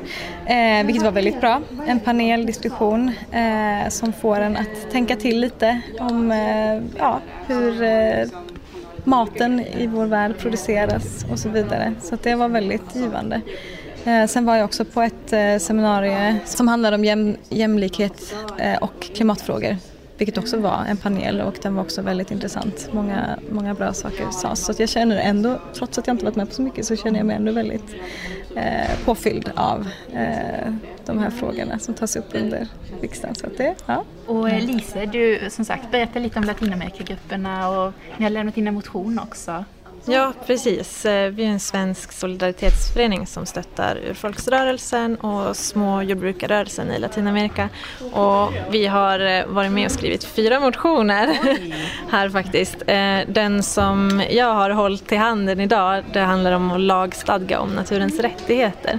Den har vi skrivit tillsammans med eh, ett nätverk som heter Naturens rättigheter Sverige, eh, Swedish Earthright Lawyers, eh, förening som heter Lodin, en samisk organisation som heter Soppanterror och vi vill alltså att Sverige ska lagstadga om naturens rättigheter för att vi ser att vi behöver vi behöver erkänna naturen som ett eget rättssubjekt, alltså inte bara något som vi människor kan bara extrahera resurser utav.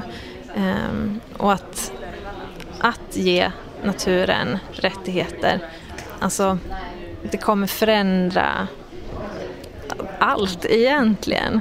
Eh, Vad skulle det lite mer praktiskt innebära? Mm, eh, att vi till exempel inte skulle kunna eh, ha skadlig industri. Det skulle en, en naturens rättigheter-lag skulle sätta stopp för det. Mm, och vi ser att det, det här är en högaktuell fråga. Alltså det är flera länder runt om i världen som erkänner naturen som ett rättssubjekt. Till exempel i Ecuador och Bolivia. Brasilien erkände i förrgår en lag för naturen. Eh, Nya Zeeland, Indien gjorde det här förra året. Det är superhäftigt. Det händer mycket i den här frågan. Vi vill liksom lyfta det i Sverige. Då får vi se imorgon om det blir en av de vinnande motionerna. Ja, vi hoppas på det. Tack så jättemycket för att jag fick prata med er lite.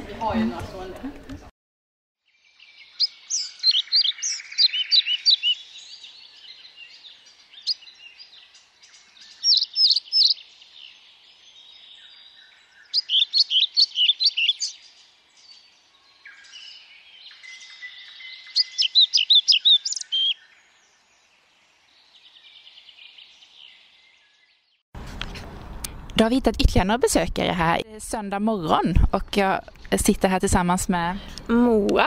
Eh, jag kommer från Skellefteå ursprungligen men bor i Uppsala nu och läser till agronom. Vad har fört dig till klimatriksdagen? Ja, jag kände att jag behövde en boost i mitt klimatengagemang och få mer kunskap, mer så här inspiration typ eh, för att fortsätta jobba där jag står typ. Vad känner du? Känner du att du har fått den kunskapen och inspirationen? Och...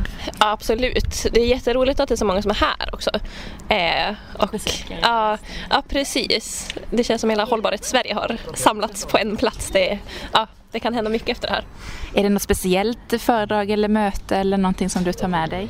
Um, det är nog mer en helhet av alla olika människor som jobbar på sina håll med sina saker och så här. Tillsammans blir det så häftigt. Och här sitter Miriam ifrån Sundsvall. Och eh, jag eh, jobbar med eh, klimat, vi har en klimataktionsgrupp där. Och min man sitter i styrelsen för den gruppen här i Stockholm eller centralt så att det är nog han som har dragit med mig på klimatriksdagen. Men jag tycker att det har, första kvällen var ju underbar med, med artisterna och eh, även alla föredragen.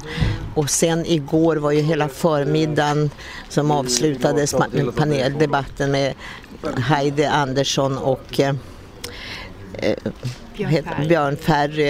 Jag har ju sett deras eh, tv-serie Storuman Forever och jag tycker om är jättebra inspirationskällor i litet format vad man kan göra. Vi kan inte kanske direkt påverka staten och riksdagen på en gång men vad man kan göra i det lilla, det tycker jag har varit underbart. Och sen även eh, eftermiddagen hörde jag på Johan Ehrenberg som alltid är så positiv. Han hade ju ett föredrag om hoppet, han har ju skrivit en bok om det, tio, tio lösningar för att rädda världen och det, det verkar som alla skulle kunna gå och göra. Så det, det har gett mig det mesta nu så idag ska jag gå och höra hur man klimatkompenserar. Som, samma som du Moa sa så är det här att det är ungefär som när tranarna träffas i Hornborgasjön. Att vi plötsligt är så många som kan eh, påverka varandra. Jag känner ju inte så många människor här men alla, alla drar ju åt samma håll och det finns så enormt med energi och det här måste ju gå. Och det här är ju sista chansen vi har att, att, att göra någonting åt klimatet inför det här sista valet. Så det, det, det, politikerna måste ju ta det här på allvar men när man tittar på deras budgetförslag, alla, det är bara Centern utav Alliansen som har med klimatet utav de fem bästa på, på agendan. Mm. Alltså det, det, ja, jag är jättenöjd hittills. Vad roligt, tack snälla. Och det finns hopp då. Det var ju... Ja, alltså, Johan Ehrenberg han är ju alltid så positiv. Jag hörde honom på Socialistiskt forum i Umeå för, på 90-talet. Och, och då, då sa han att Sverige, det var ju då när det var kris, Sverige är jätterikt. Se på alla vägar vi har, se på alla sjuk. Alltså han bara, bara tog upp det positiva och det måste ju någon göra också. Ja. Det är ju viktigt att se hoppet, annars ja, så ger vi ja. ju bara upp. Och det ja. finns ju fortfarande hopp så det är jätteviktigt att belysa och just det. Att det. Det pratar de ju på första kvällen också, skam och skuld och ångest. Men vi kan ju inte bara säga hur dåligt det är om vi inte har lösningar. Här tycker jag det finns så jättemycket lösningar vi kan göra, både som enskild men framförallt att påverka politikerna. Vi har i Sundsvall skickat till alla politiska sekreterare om vad de, hur de har tänkt göra i Sundsvall inför. Och det ska vara, de ska svara innan imorgon den sjunde. Ingen har svarat. Så nu tänkte vi skriva och säga nu är det bara du som inte har svarat. ja. Tack så jättemycket ja, båda två. Ja. Eh, då sitter jag med Annika Granlund som har varit här under helgen som besökare. Hur, varför kom du till Klimatriksdagen och hur, vad tycker du om helgen? Ja, att jag kom till eh, klimatriksdagen är att jag hela mitt liv har ansett eh, miljöfrågorna prioriterade och varit medveten väldigt länge om klimatförändringarna som så många andra. Eh, och nu är det ju väldigt bråttom så att nu är det här man måste prioritera och i all synnerhet skulle jag säga som, som jag i, har förlorat mitt parti som, som ju inte längre driver eh, miljöfrågorna på det sätt de borde. Man röstade ja till värdlandsavtal eh, vilket betyder kärnvapen i Sverige och man gjorde inte kabinettsfråga då av brunkolet som ju är det värsta fossila bränslet som finns. Men här är vi många som, som kan driva, driva det här arbetet vidare att faktiskt få den klimatomställning som Sverige och världen behöver. Vad, vad, tycker du om helgen? Vad, vad är det några seminarier som du tycker har varit extra bra eller några möten eller kunskaper du har tagit till dig? Eller?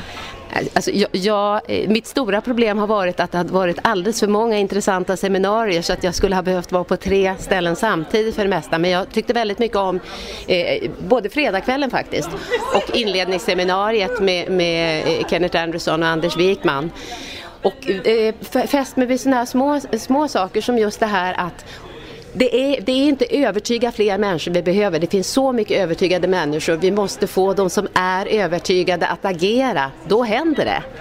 Eh, nej men sen en sak som jag tyckte var viktigt också var ju det här eh, att, att alla de här initiativen att eh, vi måste sluta flyga, det är ju självklart. Och att man faktiskt ska gå ihop och anmäla sig, jag flyger inte 2019. För att eh, om man gör en ärlig beräkning av eh, Sveriges utsläpp då ska ju eh, utrikesflyget vara med. Det finns inte med idag. Räknar man in utrikesflyget så är, har flyget större miljöbelastning eh, än till och med trafiken i Sverige.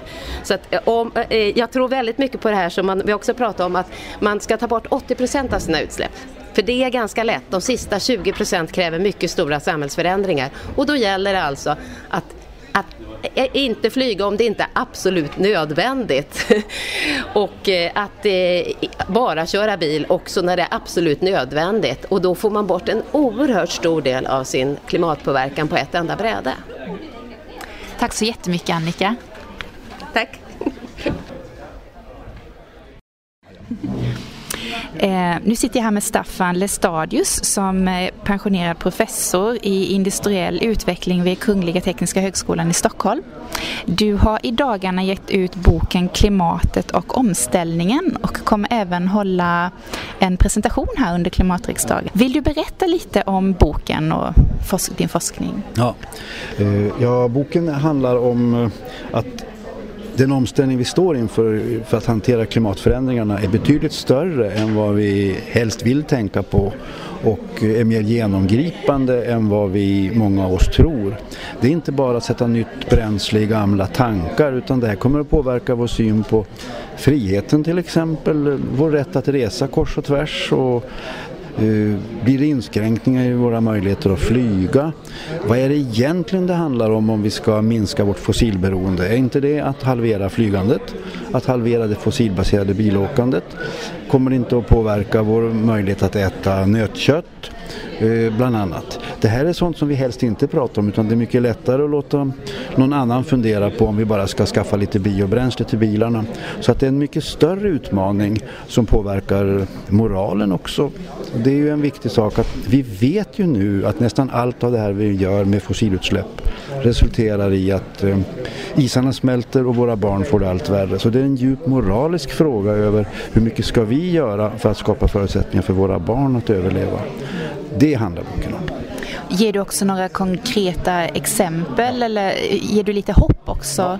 Eh, jag ger hopp och man kan säga att den andra halvan av boken är väldigt konkret över så här ungefär så här måste vi göra om vi tar klimathotet på allvar. Så jag diskuterar inte bara det principiella, det gör jag i första halvan. Utan den andra halvan är väldigt konkret. Så här måste vi göra om vi tar klimathotet på allvar. Om vi inte gör det här så vet vi att det fortsätter att smutsa ner. Kan du ge lite exempel då? Du kommer ju föreläsa om det här. Kan ja. du ge... Det kommer jag göra. Eh, det är exempelvis hur bär man sig åt om man halverar flygresandet? Hur bär man sig åt om man halverar det fossilbaserade bilåkandet? Och eh, om vi ska halvera flygresandet då behövs inte Bromma flygplats. Alltså kan vi bygga en trästad där. Trästäder är trähus, träbyggnation är ett bra sätt att uh, skapa kolsänkor och minska kol, eh, uh, koldioxidhalten i atmosfären. Det är några konkreta exempel. Så hur gör man då för att minska, halvera sitt bilåkande som du sa här precis? Det skulle jag kunna prata länge om. Men i princip är det att man måste skapa förutsättningar att i takt med att man avvecklar bilåkandet måste andra lösningar komma på plats. Och det krävs väldigt mycket av politikerna med kollektivtrafik och så vidare. Det krävs också nya prisrelationer. Det måste löna sig för människor att byta sätt att vara. Och det är inte så att alla bilresor ska ersättas med annat resande. Man kan ha andra distributionsformer för varor och annat. Så sammantaget medför det här också, eller kräver det här också att man ändrar kraftigt i vårt nuvarande skattesystem. Alltså, och jag har ett förslag på, vill man göra det här så kan man ha den här mycket kraftiga skatteväxlingen. Och den är lite utmanande för vårt sätt att tänka på hur skatterna ska vara. Men eh, det kan jag inte berätta om här utan det får man läsa om i boken, det kapitlet. Men eh, pratar du enbart utifrån ett svenskt perspektiv eller, för jag tänker ska man ändra, ja. Eh, ställa om så det behövs ju göra i hela världen men har ja. du ett globalt perspektiv eller ett svenskt perspektiv? Ja, alltså perspektivet är globalt. Mm. Men eh, om vi sitter och väntar på att det ska komma någon internationellt avtal som löser frågan mm. så får vi vänta länge. Eh, sen 1992 har vi haft 63 internationella konferenser om att begränsa koldioxidutsläppen. Av någon underlig anledning så har också koldioxiden ökat med ungefär 1% per konferens, det vill säga med 63% under den här perioden. Så att man får göra det på det andra sättet. Vi får gå före helt enkelt. Några måste gå före och eh, Sverige är väl lämpat att vara ett föregångsland, en role model eller en snöbollseffekt eller vad vi vill kalla det och visa att det är möjligt. Och vi vet att det finns folk över hela världen som söker efter möjligheter att haka på. Det är helt bakvänt att tro att bara för att vi går före att andra ska försöka utnyttja situationen och tjäna pengar på oss. Så att eh, medlet är vi måste gå före, vi kan inte invänta på en 64 internationell klimatkonferens. Min stora oro är att våra politiker inte är så villiga att prata om detta. De är rädda för frågan, den är för stor och de tror att folk inte vill ha det, eh, en klimatomställning. Jag menar att de har helt fel. Folk ropar efter, eller kommer att vilja ha eh, eh, politiska lösningar som tar itu med det här. Och vilka ska göra det om inte våra politiker? Och den här klimatriksdagen är ett bra sätt att påverka dem.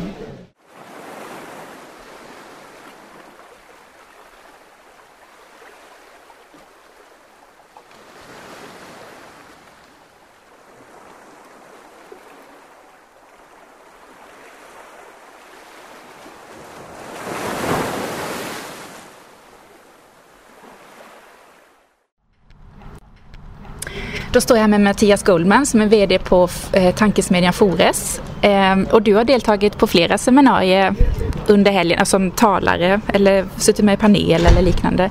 Varför har du valt att delta här i klimatriksdagen och får gärna berätta lite om de olika seminarierna du har deltagit i?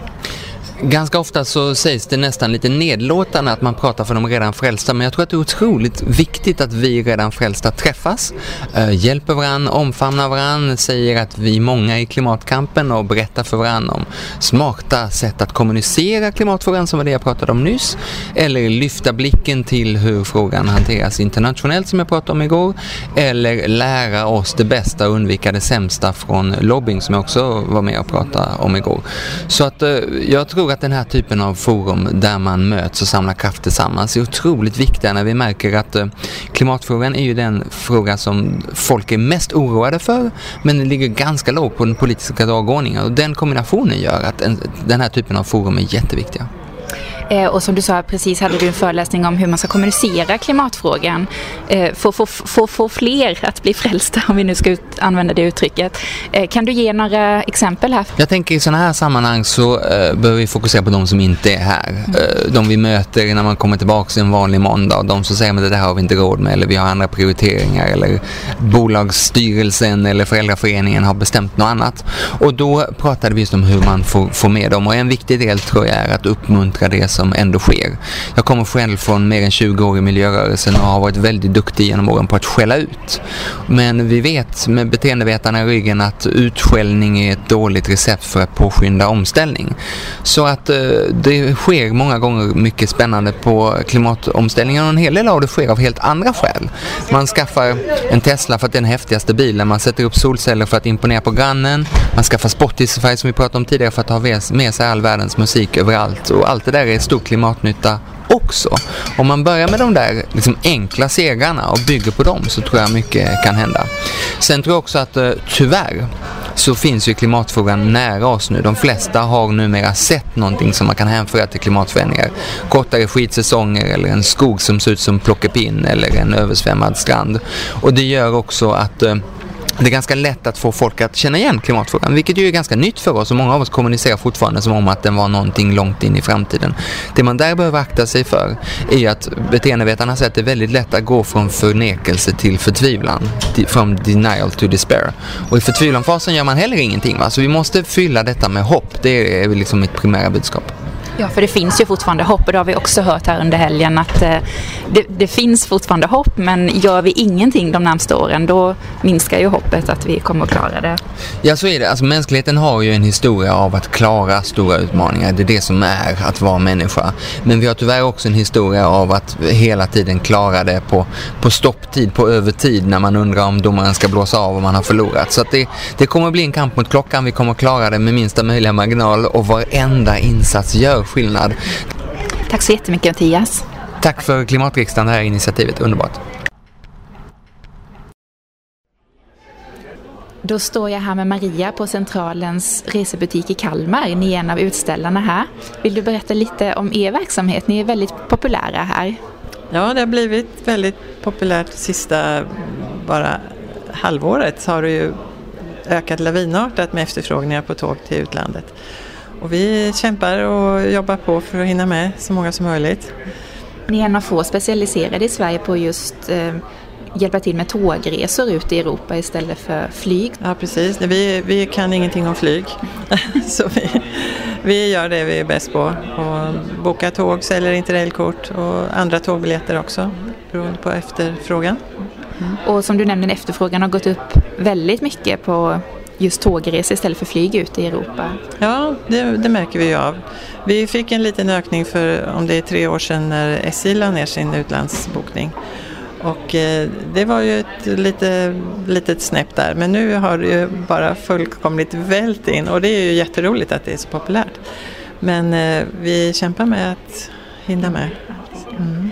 Är det några speciella resmål som är mer Populär som ni ser att det är extra mycket, inte vet jag, Paris eller Wien? Eller? Nej, det kan jag inte säga för det är ju hela Europa alltså. Många vill till eh, Spanien och till Italien. Italien är ju smidigt för du åker ju ner dit på ett dygn och sen eh, du kan klara dig om du är borta max 15 dagar så klarar du på ett interrailkort med fem resdagar. Två resdagar ner och två hem och så kan du göra en utflykt i Italien. Och liknande variant finns ju naturligtvis för eh, om du åker längre österut eller till Paris. Mm. Det, har ni märkt någonting, eh, nu jobbar ju ni professionellt med detta men även som alltså många privatpersoner hör ju av sig till för att det är så krångligt. Mm. Men har även ni som är proffs på det märkt att det har blivit mer krångligt att sätta ihop tågresorna eller, eller har ni sett någon ändring där över tid? Jag vet inte om jag kan svara på att det har blivit eh, enklare eller krångligare utan det är väl ganska mycket likadant som det har varit de sista åren. Men eh, det kommer ju fler aktörer, många privata mm, tågbolag som vi inte kan komma åt, som inte ingår i Interrail och det bästa vore ju naturligtvis ett ännu mer ökat samarbete med alla tåg så att man lätt kan boka en plats bara och köpa sitt Interrailkort. Så kan man göra den mest eh, skräddarsydda resan för var och en.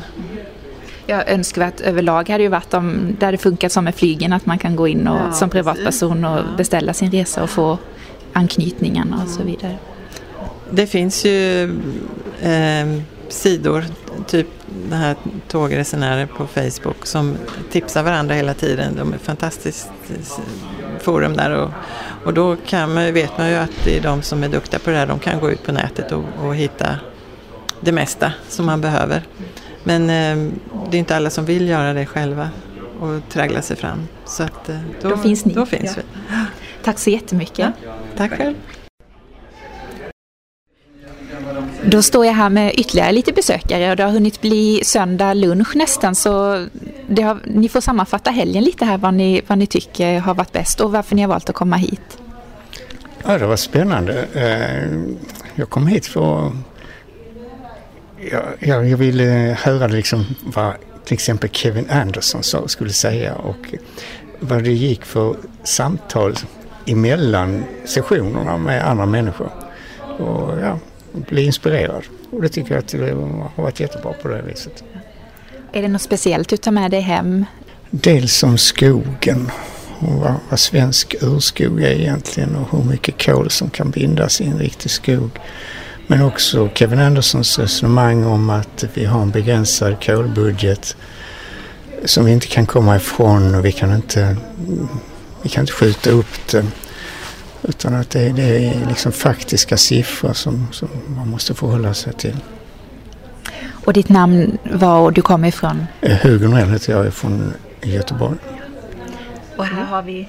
Eh, här står Josefin Winberg Eh, jag har varit här hela helgen, sedan i fredags. Så det har varit en eh, intensiv helg, eh, men väldigt roligt. Och ja, jag tar väl med mig, jag tror det är möten med människor som man alltid tar med sig mest. När man träffar personer som man inspireras av och får ny energi av. Och engagemang att fortsätta liksom sitt arbete på hemmaplan. Och så när man kommer hem sen. Men sen självklart så har man lärt sig massa nya saker från alla spännande seminarier och motioner och talare som man har hört. Ni har röstat också i motionerna? Jajamensan, såklart. Ja. Ska vi få reda på om ett par timmar här vad, vilka motioner som vann.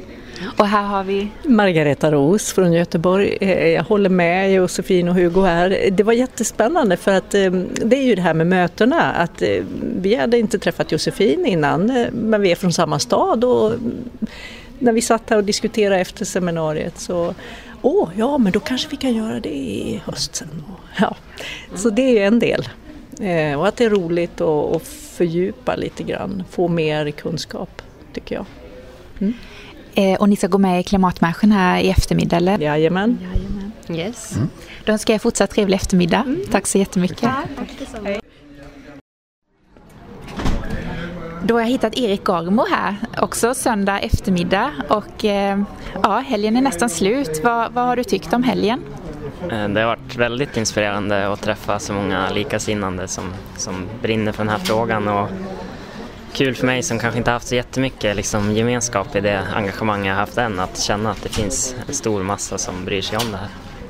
Vad tar du med dig främst från helgen? Det är väl bara den här passionen eller vad man ska säga, att, att eh, alla brinner för den här frågan och, och ja, bygga kraft från den. Engagemang och sprida ringar på vattnet när du kommer hem. Ja, precis. Tack så jättemycket. Tack.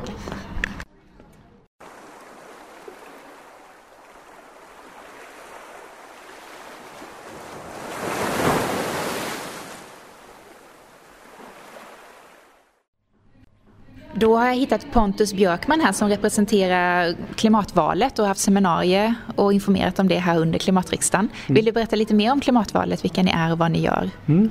Klimatvalet har bildats som en del utav eh, klimatriks, eller Klimatsverige, det nätverket.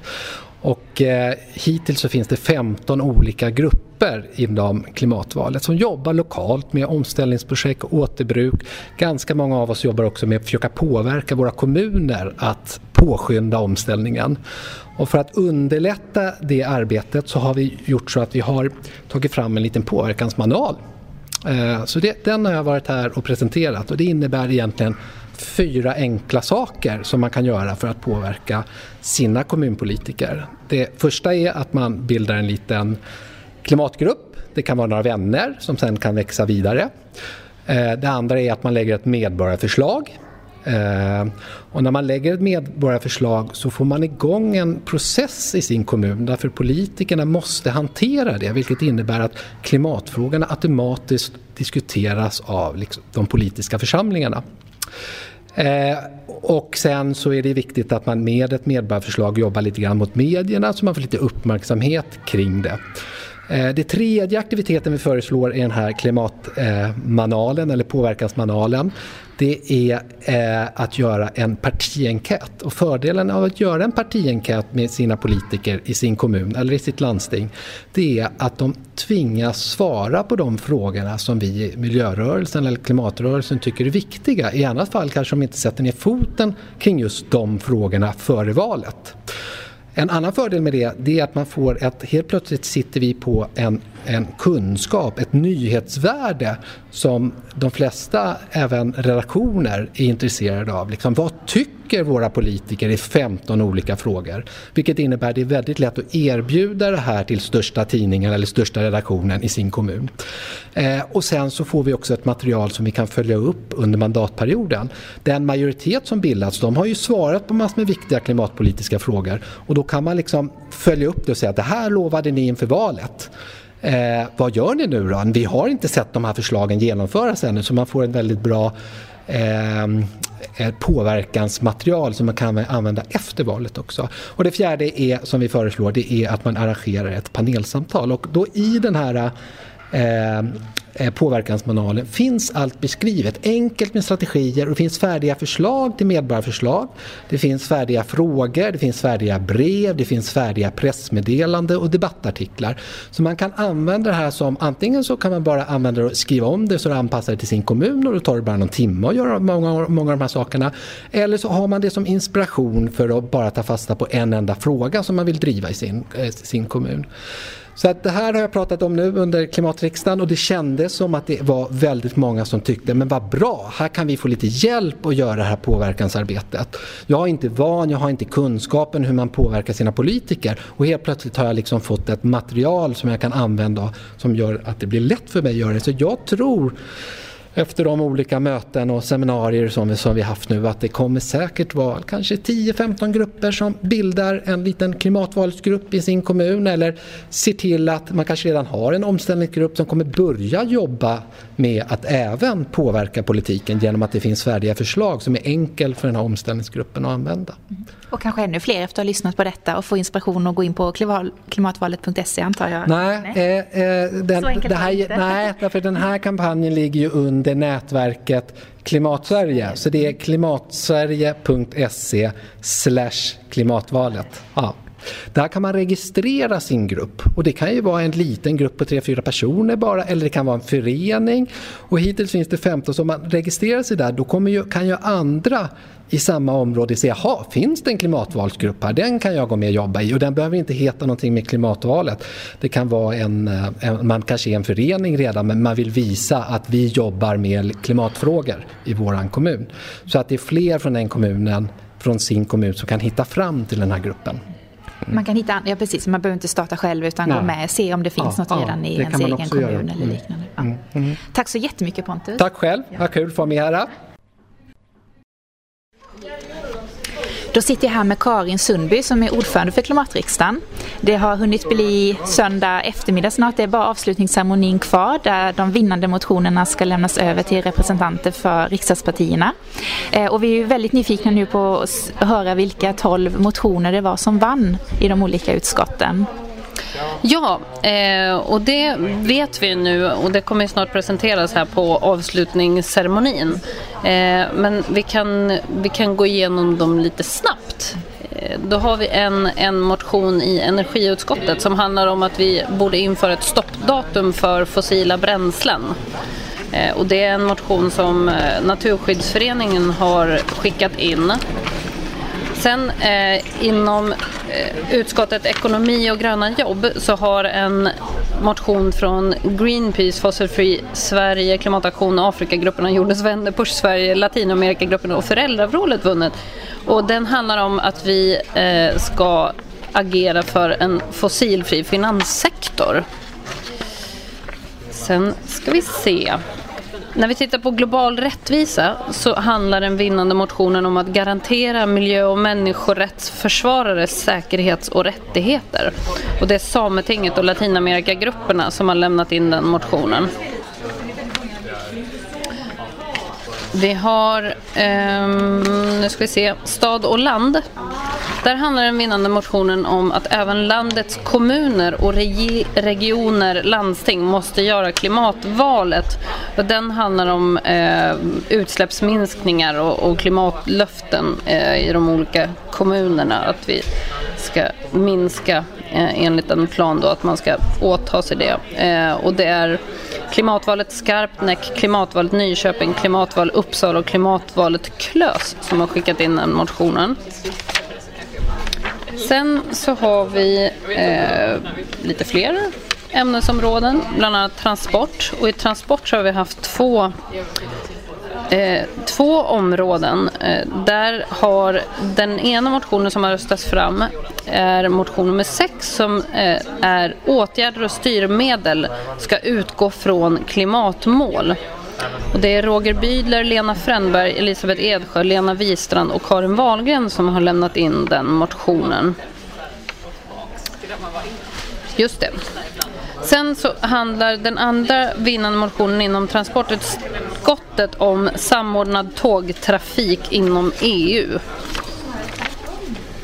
Tittar man på livsstil så har vi en motion som handlar om långsiktigt och genomtänkt strategi för att minska flygets utsläpp som är den vinnande motionen.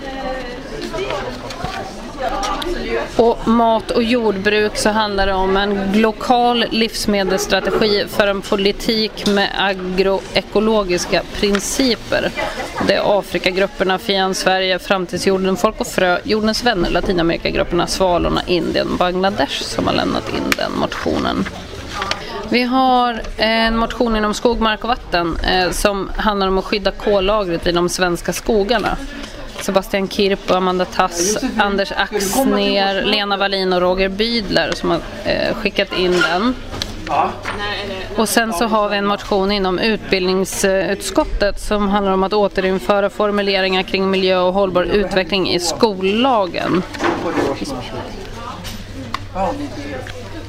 Eh, inom det övergripande utskottet så har vi också röstat fram två motioner och det baserar Sveriges klimatlag på en koldioxidbudget för två graders åtagandet som har skickats in av Kevin Anderson, Jonas Bane, Ingen Björk, Thomas Lohammar och Isak Stoddard.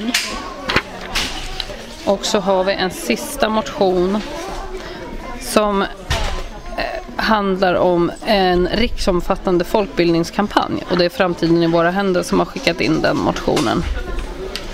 Det känns fantastiskt att kunna lämna över de här till riksdagspartierna om en liten stund. Och det ska vi säga att det har kommit in över 250 motioner totalt ungefär. Ja, det stämmer. Och, och, det här är de 12 vinnande som sagt. Och här får ju politikerna faktiskt konkreta förslag på motioner som de skulle kunna genomföra praktiskt i, sina, i sin politik. Absolut, så är det. Och hur eh, efter överlämningen här nu, avslutningsceremonin, så blir det ju klimatmanifestation i Humlegården och sen gemensam marsch till riksdagshuset där de överlämnas också för diarieföring. Eh, och sen påbörjas ju ett nytt arbete med att följa upp hur politikerna ja, om politikerna genomför de här utvalda motionerna? Ja, alltså vi har ju ett material nu som vi kan jobba med under valrörelsen. Och det kommer vi göra. Men sen så handlar det väldigt mycket om att ligga på så att klimatfrågan lyfts överhuvudtaget i, i debatten. Eh, så att ja, politikerna känner att det finns ett stöd för att de ska driva frågan. Och vi måste också sammanfatta helgen lite här. Hur, hur, tycker du helgen har varit? För nu är det som sagt bara avslutningen kvar här. Har det levt upp till förväntningarna? Hur har det gått? Vad, har, ja, vad är era tankar? Eh, det har varit en fantastisk helg. Det har varit sån aktivitet både i utskotten och vad gäller motionsbearbetning men sen även som i utställningen där företag har visat upp lösningar och forum där vi har sett olika lokala initiativ som har inspirerat andra. Ehm, ja, det har varit full aktivitet och det har varit jätteroligt. Då tar vi det vidare härifrån. Ja, vi ses på manifestationen. Ja. Tack så